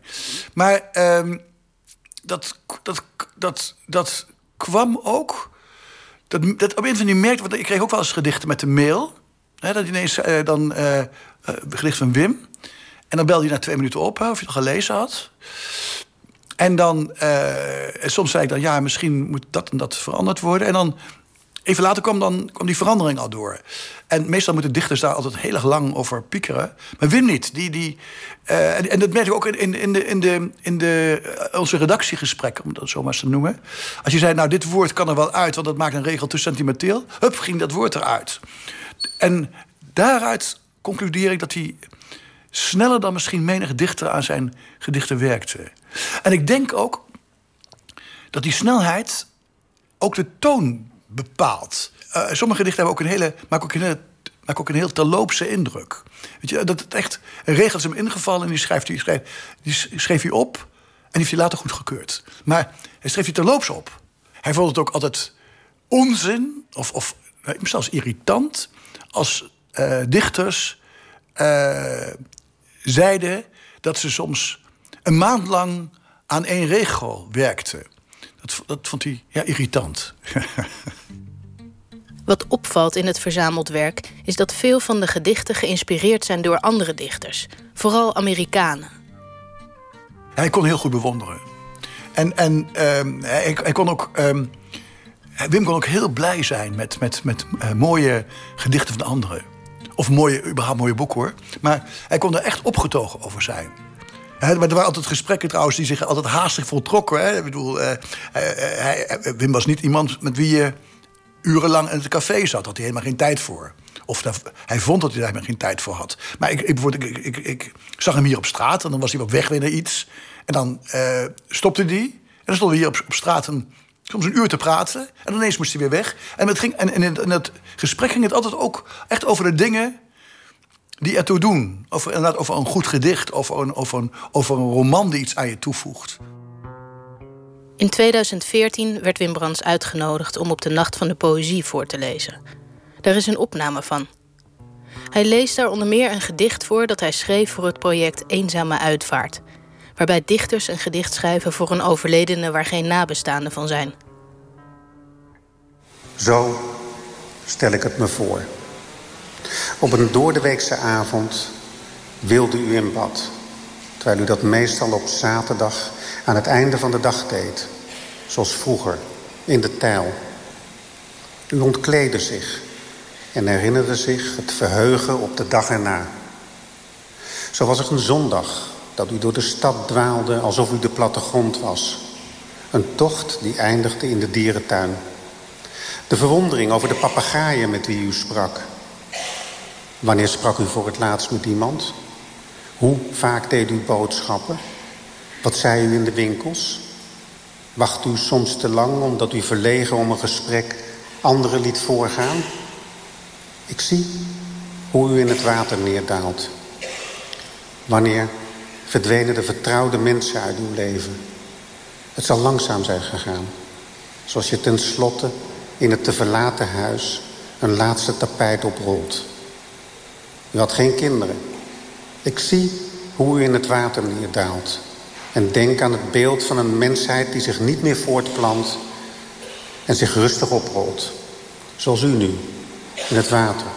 Dat de juiste temperatuur heeft. Als een kind dat zich verheugt. U gaat ons voor.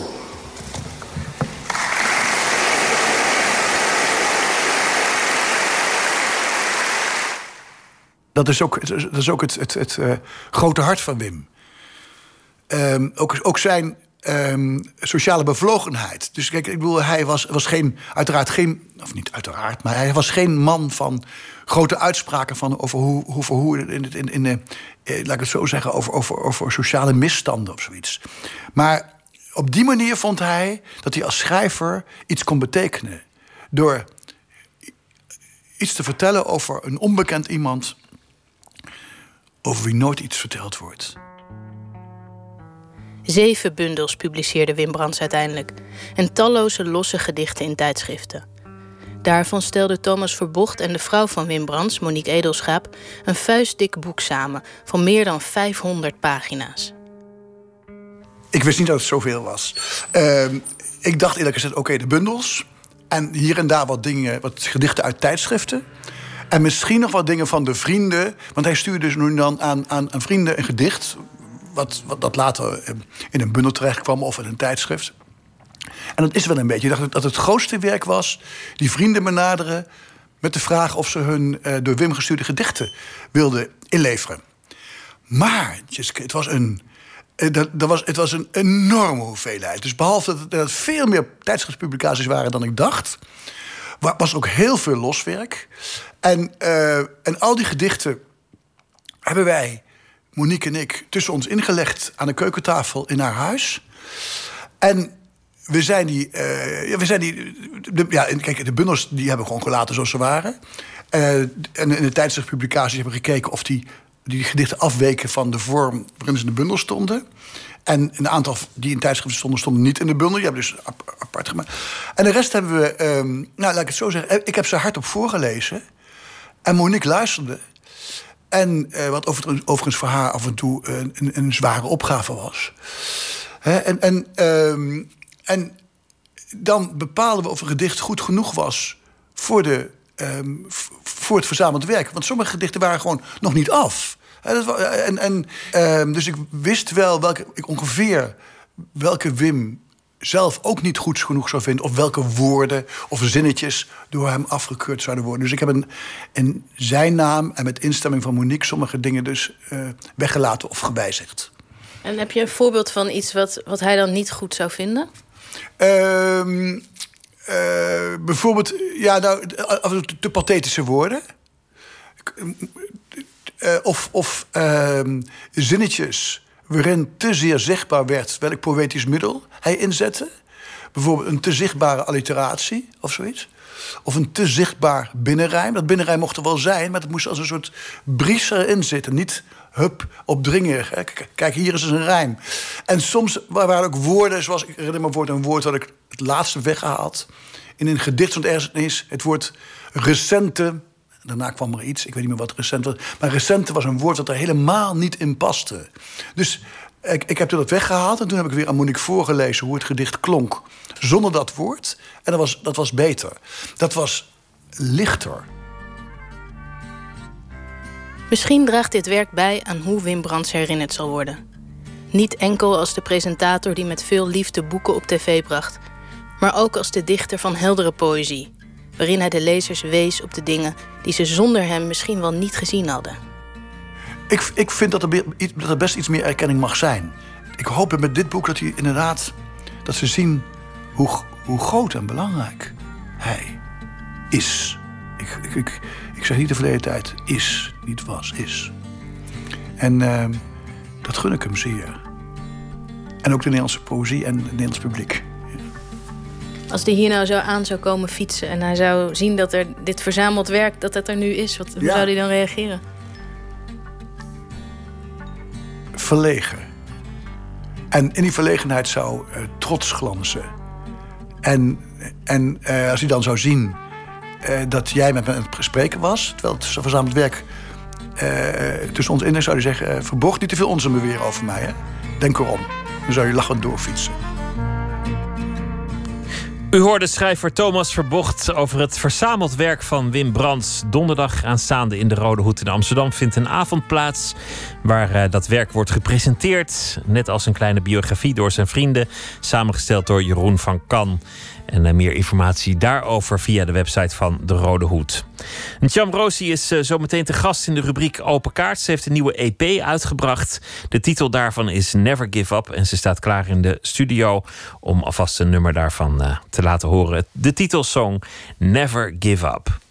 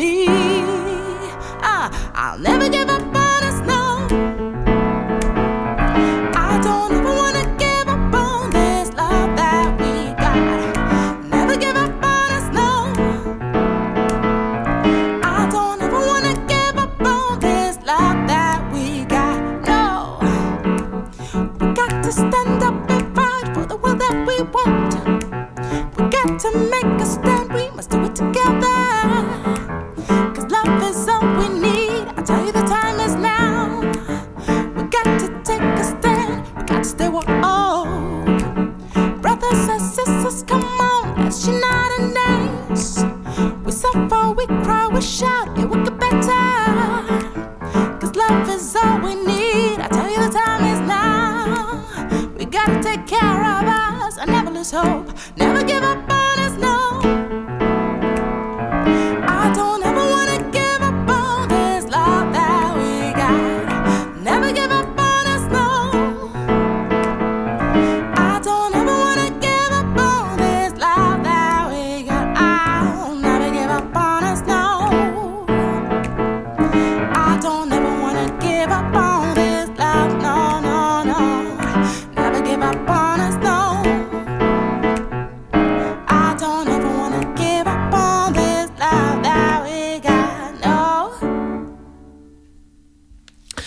Rosie hier eh, in de studio met Never Give Up. Open kaart. Jam, als ik je mag vragen om eh, aan te schuiven hier aan deze stoel. Het is een, een klein studiootje. Je moet eventjes eh, over wat objecten heen manoeuvreren. Hartelijk welkom. Dank eh, voor je komst hier eh, Yes. naar de studio. Gefeliciteerd ook met je, met je nieuwe EP. Noem even nog de, de naam van je pianist. Die je, Vincent Helbers, Vincent Helbers en ik hebben het samen gemaakt. eh, het EP'tje. En Vincent speelt ook, speelde net ook met me mee. Op de piano.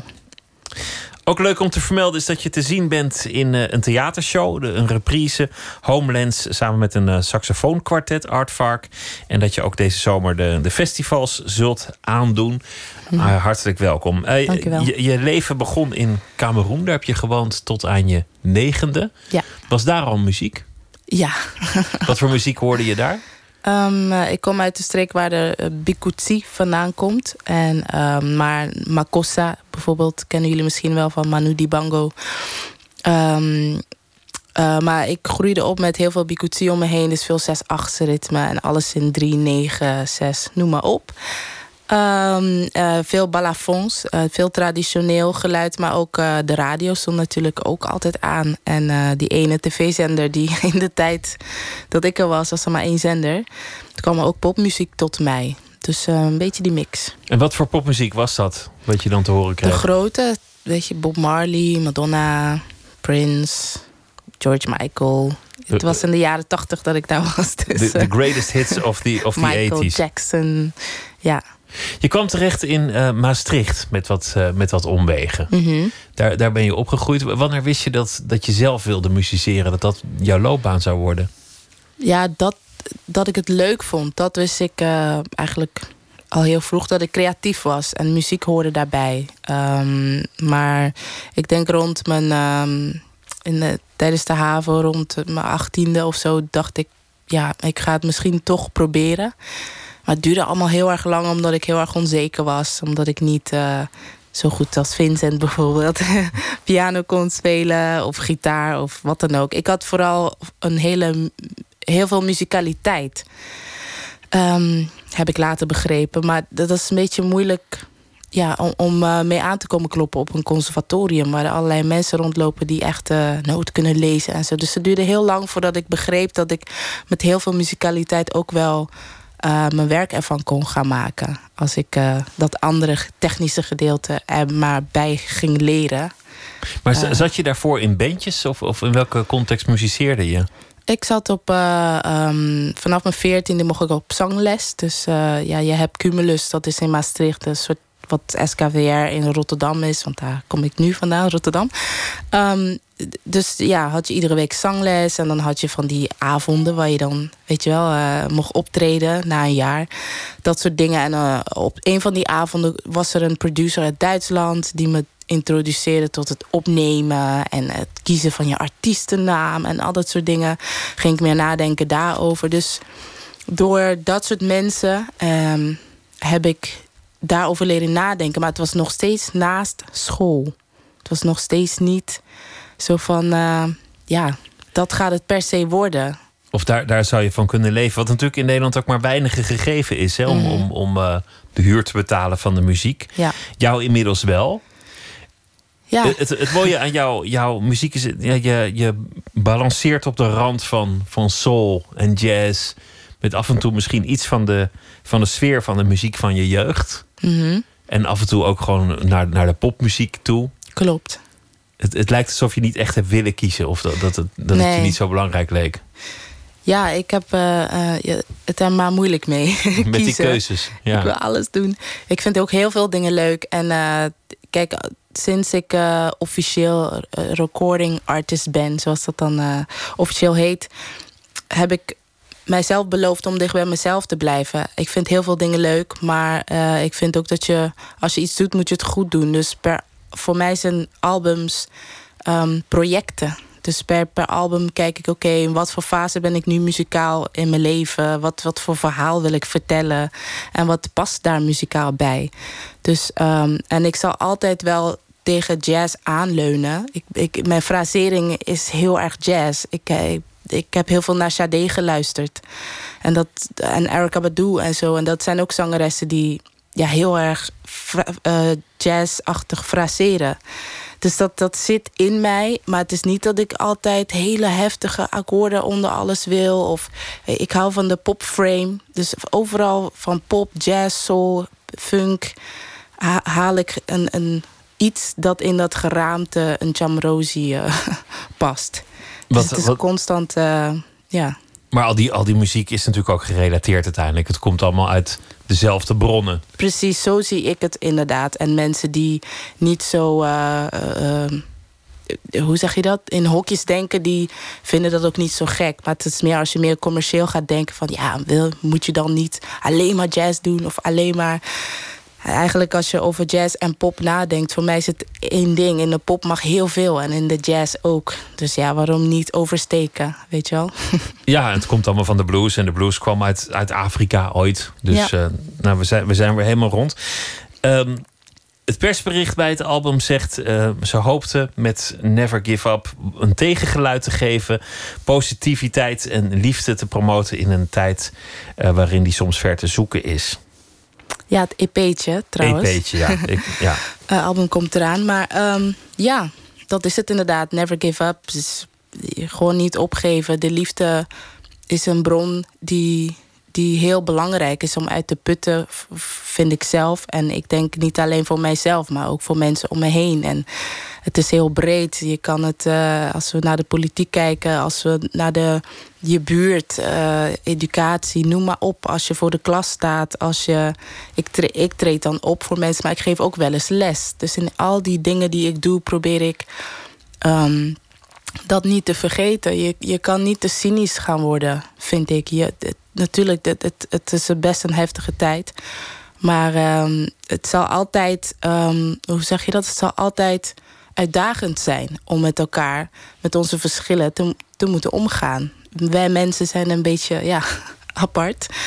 Uh, maar we moeten ons best blijven doen. En ik hou van een positief geluid en uh, vooruit kijken, vooruit met elkaar. Niet opgeven. Nee. Laten we beginnen met de kaarten. Hier is uh, de bak en ik wil je vragen om een vraag te trekken en als het even kan te beantwoorden. Ik moet gewoon eentje pakken. Ja. Oké. Okay. Moet ik het dan zelf voorlezen? Ja. Welke klap kom je nooit te boven? Oef. Zo. Moeilijke vraag. Oh, jeetje. Uh, dat is wel een moeilijke. Want ik ben echt zo'n optimist. Uh, optimistisch iemand. Um, ja, misschien.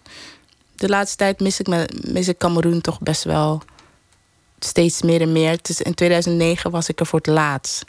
En dat dat vind ik, begin ik nu wel een beetje lang te vinden. Het is wel tijd om naar huis tussen aanhalingstekens te gaan. Is het nog je huis? Ik denk het wel. Zou je nog kunnen wonen? Wonen? Ik, ik, ben wel echt heel erg Hollands. Heel erg westers. Verwesterd. Dus um, dat weet ik niet. Dat moet ik heel eerlijk zeggen. Ik voel me heel erg Nederlands en heel erg Europees. En ik ben bicultureel, maar ja, ik ben heel lang hier geweest. En negen jaartjes in Cameroen af en toe terug geweest. Dus hoe Afrikaans ben ik nou eigenlijk echt? We gaan het zien wanneer ik weer terug ga. Wat, wat mis je eraan? Ja, daar ben je geboren. Dus ja, ehm, je mist het feit dat je niet hoeft uit te leggen wie je bent ergens. Je, je, bent, je hoort daar. Dus je hoeft niet je hoeft je niet de hele tijd te bewijzen dat je er ook mag zijn. Dat heb ik wel in Nederland. Ook al voel ik me hartstikke Rotterdams en Nederlands en zo. Heb ik wel...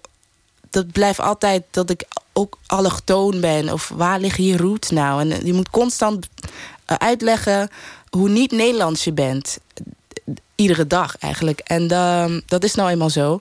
Maar in Cameroen is dat gewoon niet zo. En dat is super fijn. Ik kom daar gewoon vandaan. Ik ben er geboren. Ik, veel dingen zijn mij zijn natuurlijk daar. De zon voelt. Ja, als ik daar in de zon loop, denk ik ja.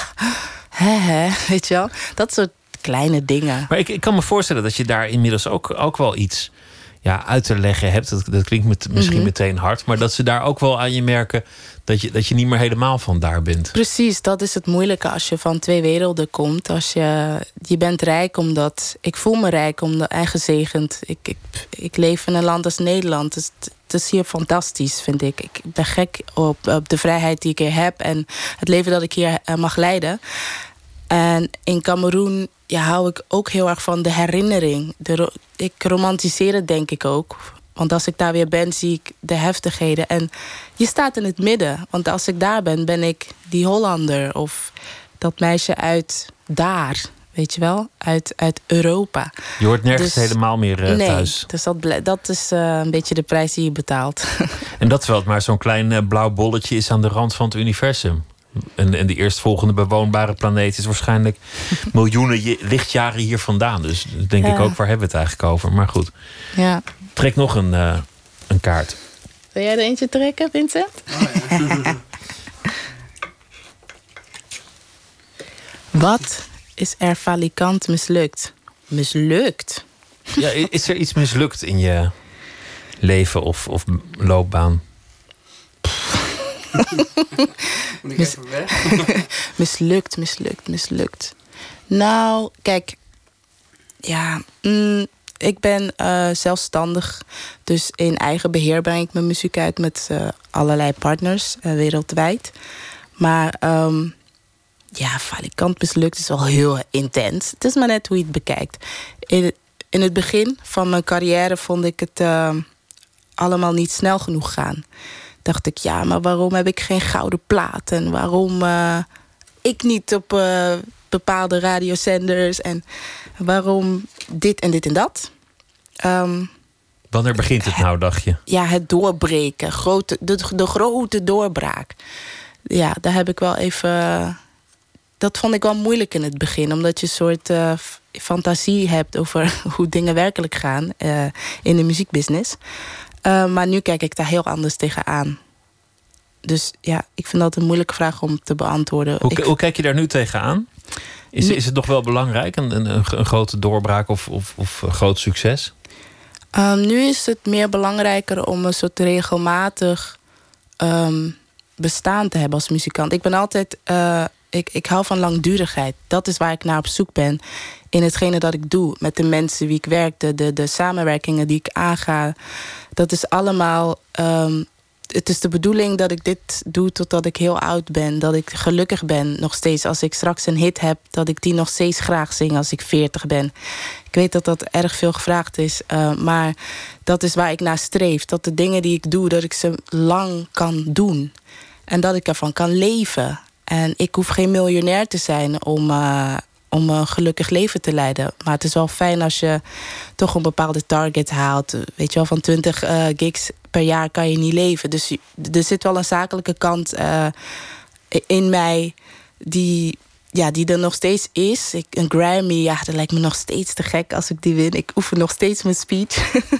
als ik anderen eh, op televisie zie. Maar, dat is de dromer in mij. Dat zou altijd wel blijven. Maar de, de realist ehm, heeft zoiets van... als ik er goed van kan leven... ehm, mijn huur kan betalen, mijn huisje, boompje, beestje... mijn familie kan eh, onderhouden, mijn gezin bedoel ik... Ehm, ja, dan ben ik al heel erg gelukkig. Ik las een, een uitspraak van een baseballspeler die zei: als je, als je concentreert en hoopt die bal te raken, dan mis je altijd. Mhm. Terwijl als je het gewoon doet, dan raak je hem meestal wel. Ja, precies. It's the journey. Het gaat om de reis. Ik ben nu gelukkig veel volwassener daarin. Ik eh, ben een gelukkig mens. Ik, voor hetgene dat ik doe, dat niet in een hokje past. Dat veel mensen moeilijk vinden en anderen weer helemaal niet. Dus voor iedereen ehm, een publiek. En dat is wereldwijd. Ja, dat is fantastisch. Want als je hier 20 optredens hebt en 10 in Frankrijk en 60 in Tokio, ik zeg maar wat, in een jaar. Ja, dan gaat het gewoon prima. En mensen denken, die kennen je niet bijvoorbeeld in eh, land X. Maar, maar jij, jij redt je wel. Dus er zijn heel veel er zijn verschillende wegen naar Rome. En eh, dat weet ik nu, nu ik zo eh, al een tijdje bezig ben. We doen er nog één, nog één zo'n vraag. Misschien, misschien een wat luchtiger, maar Deze is leuk. Die is luchtig. Wie of wat is de liefde van je leven? A. Nou, dat is luchtig genoeg, toch? Voor mij wel, sommige een, mensen liefde van je leven kan ook heel, heel onluchtig zijn. Maar wie is het? Ja, dat is mijn man, Rodney Ernst. Ja. De man die mij ten huwelijk heeft gevraagd. De man met wie je samen in eh, Rotterdam leeft. Ja, met wie ik eh, kindje heb, anderhalf. En eh, ik heb ook stiefkinderen. We hebben een hond. Ja, we zijn heel gelukkig samen. En ehm, ja, dat is wel door, door dat te hebben in mijn leven. Daarvoor had ik het niet, was het altijd muziek, muziek, muziek, muziek. Op één. En toen ik een gezin kreeg, dacht ik wel, oh ja, dus, er is meer dan muziek. Dat is een gek gevoel. Dus ja, daar, daar ben ik Rodney wel heel dankbaar voor. Ja. Dankjewel dat je bent gekomen. En eh, ik noem nog even de theatershow Homelands. En het album verschijnt in het najaar. En de EP, die is er nu al, Never Give Up. Dankjewel, Ncham Rosi. Dankjewel.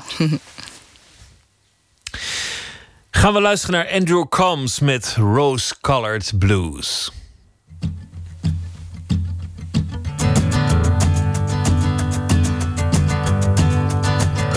One more dark stormy morning, waking with an aching in his head. Wiping off yesterday, all the hurt and spiteful words that were said in.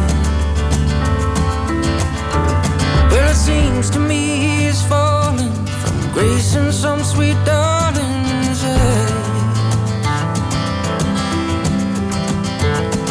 somewhere there's another town and another woman waiting down the line. Lost love and slow train, whichever way you choose. It don't ever get too bad when you got them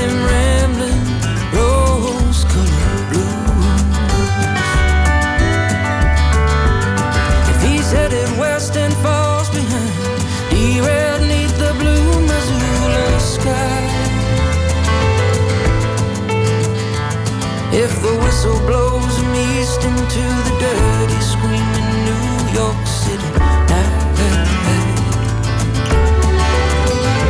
he might sleep beneath the stars or on some borrowed bed he'll find way.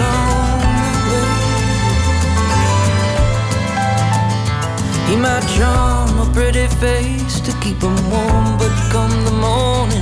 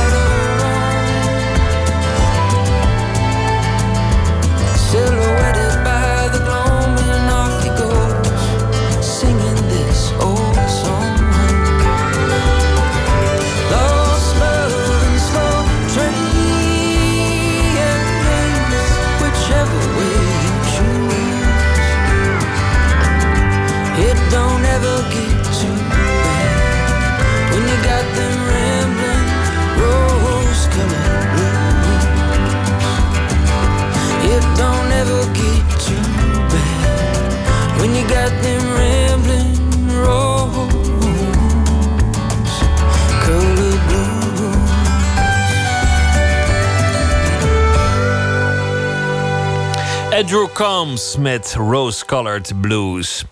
Eén minuut, deze heet Cassettes. Pst, één minuut. Kijk, in dit soort dozen. Nu is die leeg, maar in dit soort dozen staat het helemaal vol. Ja, helemaal vol met cassettes. Het was ook eigenlijk symptomatisch voor hoe mijn leven zich uh, afspeelt. Namelijk gewoon nooit eens een keer iets afsluiten. Dus toen heb ik het uh, opgepakt en al die dozen heb ik in die vuilstortzak geplaatst. En ik ben naar de vuilstort gereden met nog een paar andere dingen die weg moesten. En sta je daar met die grote zak en ik gooide hem zo in en hij barstte open. En al die cassettes die gleden in die bak. En toen zag ik ineens tussen al die cassettes nog een bandje liggen waarvan ik dacht... Oh, maar dat bandje dat was best wel leuk. Dat is van dat feest uit 1988. Dat wil ik eigenlijk misschien toch nog even... En toen riep ik mezelf tot de orde. Ik dacht, nee. En toen stapte ik in de auto. En dat is eh, wel grappig, want dan moet je altijd op zo'n plaat rijden. En dan bij metische je gewicht. En toen zag ik dat het kilo's lichter was. En toen kon ik net zo'n groot gevoel van oplichting van het uh, terrein afrijden.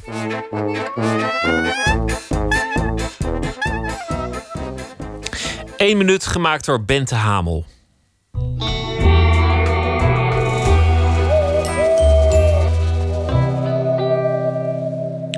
Deze week zal elke nacht Karin Amatmoukrin een verhaal voordragen over de voorbije dag. En dat uh, zal ze doen naar aanleiding van iets dat zich die dag heeft uh, voorgedaan. En uh, haar laatste boek, dat heet Tenzij de Vader. Dat was alweer haar zesde boek. Karin, goeienacht. Hoi, goedenavond. Leuk dat je deze week elke nacht aan de telefoon zal hebben. Wat, wat is het vandaag geworden? Wat, wat is je bijgebleven?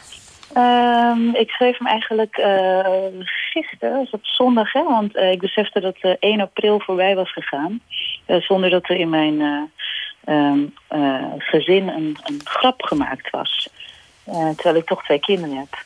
En het leek een beetje alsof de 1 april grappen dit jaar niet echt aan bod kwamen. Omdat de wereld zo absurd is wellicht.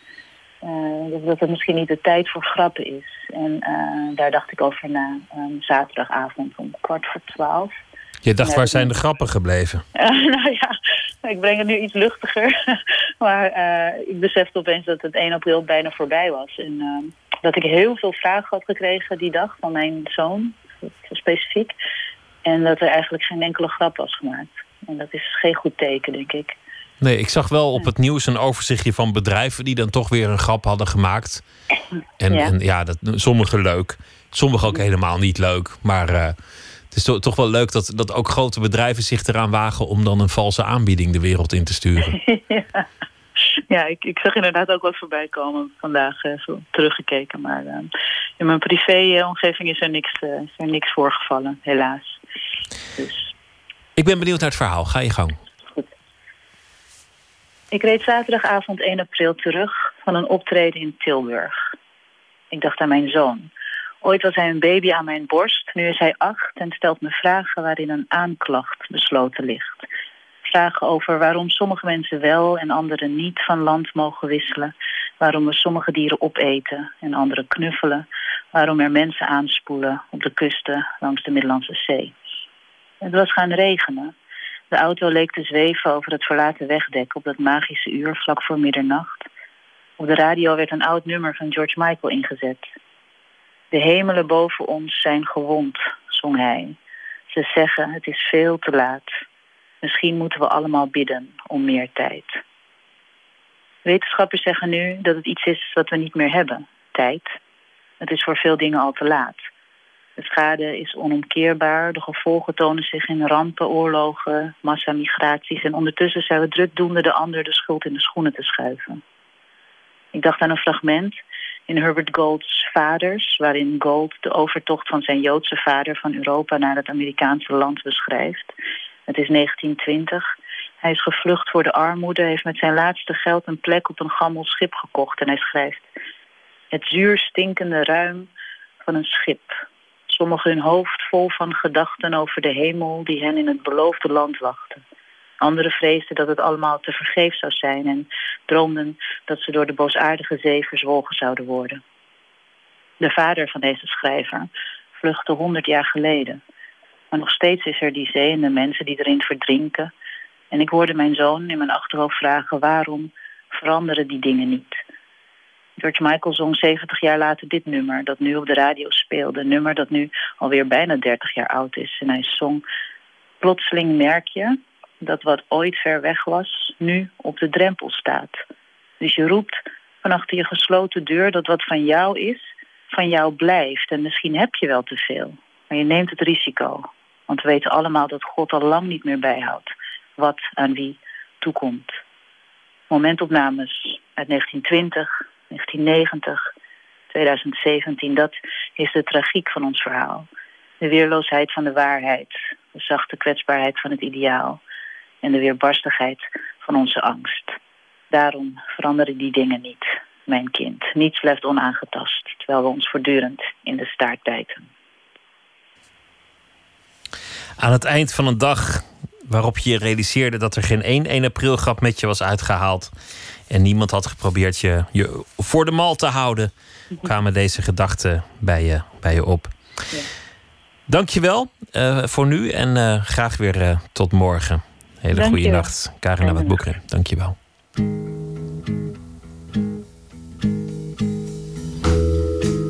You look to me like misty roses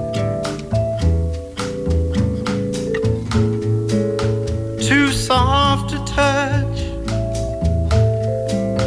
But too lovely to leave alone If I could be like misty roses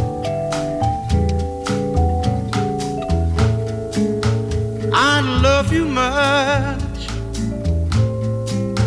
You're too lovely to leave alone. Flowers often cry, but too late to find that their beauty has been lost with their peace of mind. You look to me like love forever.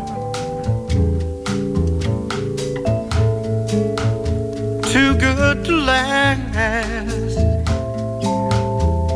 but too lovely not to try.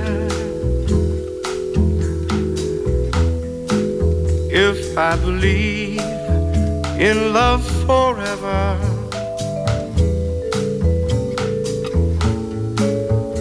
I'd forget the past. You're too lovely not to try.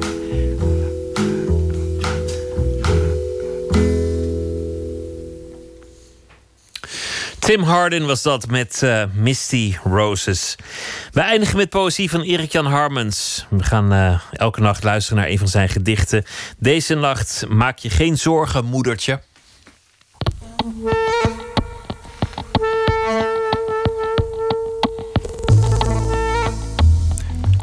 Maak je geen zorgen, moedertje. Je kind maakt het goed. Het zit op dwarsfluitles en betaalt trouw de contributie. Alleen gaapt hij, als het nacht wordt, naar de maan. Hij fotografeert hem niet en hij stelt er verder geen vragen over. Het is alsof het staren naar de maan hem geruststelt in die zin dat de maan er is. Verder los van die maan. Hij zou ook naar de kraan kunnen kijken, naar de wekker of mijn toet. Je hebt mensen die van veranderingen houden. Dat zijn normloze, brute honden. Dit is een gedicht over autisme. Ik heb een uh, geweldige zoon. Hij heet Julian. Julian heeft autisme. En toen Julian uh, vijf jaar oud was, uh, verscheen mijn bundel Underperformer. En daar is dit het openingsgedicht uit. Het is een gedicht eigenlijk in de taal van iemand met autisme. Het is hoekig. En dit is op een andere manier gevoelig dan in de wereld buiten autisme. Het is heel gevoelig.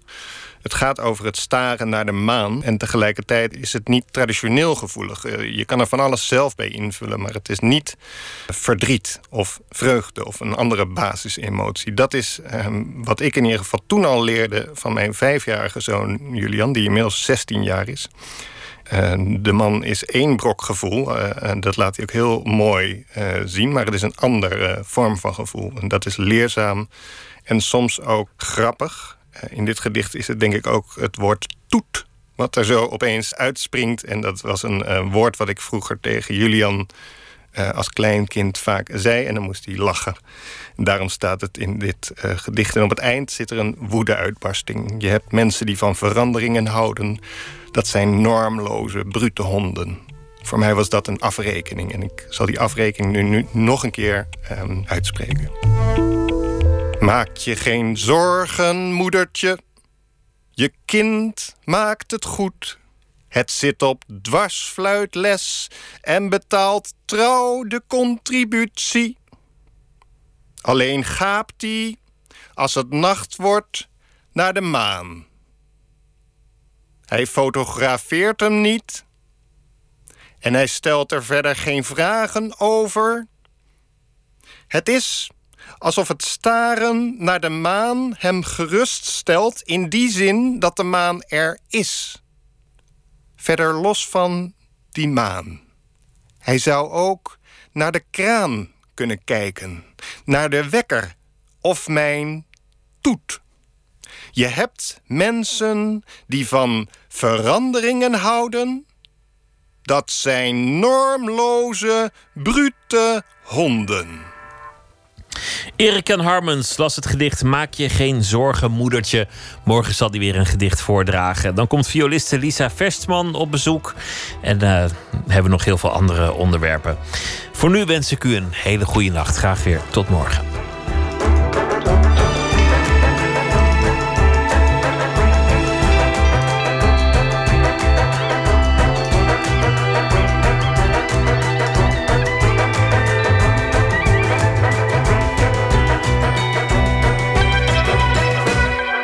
Radio 1, het nieuws van alle kanten.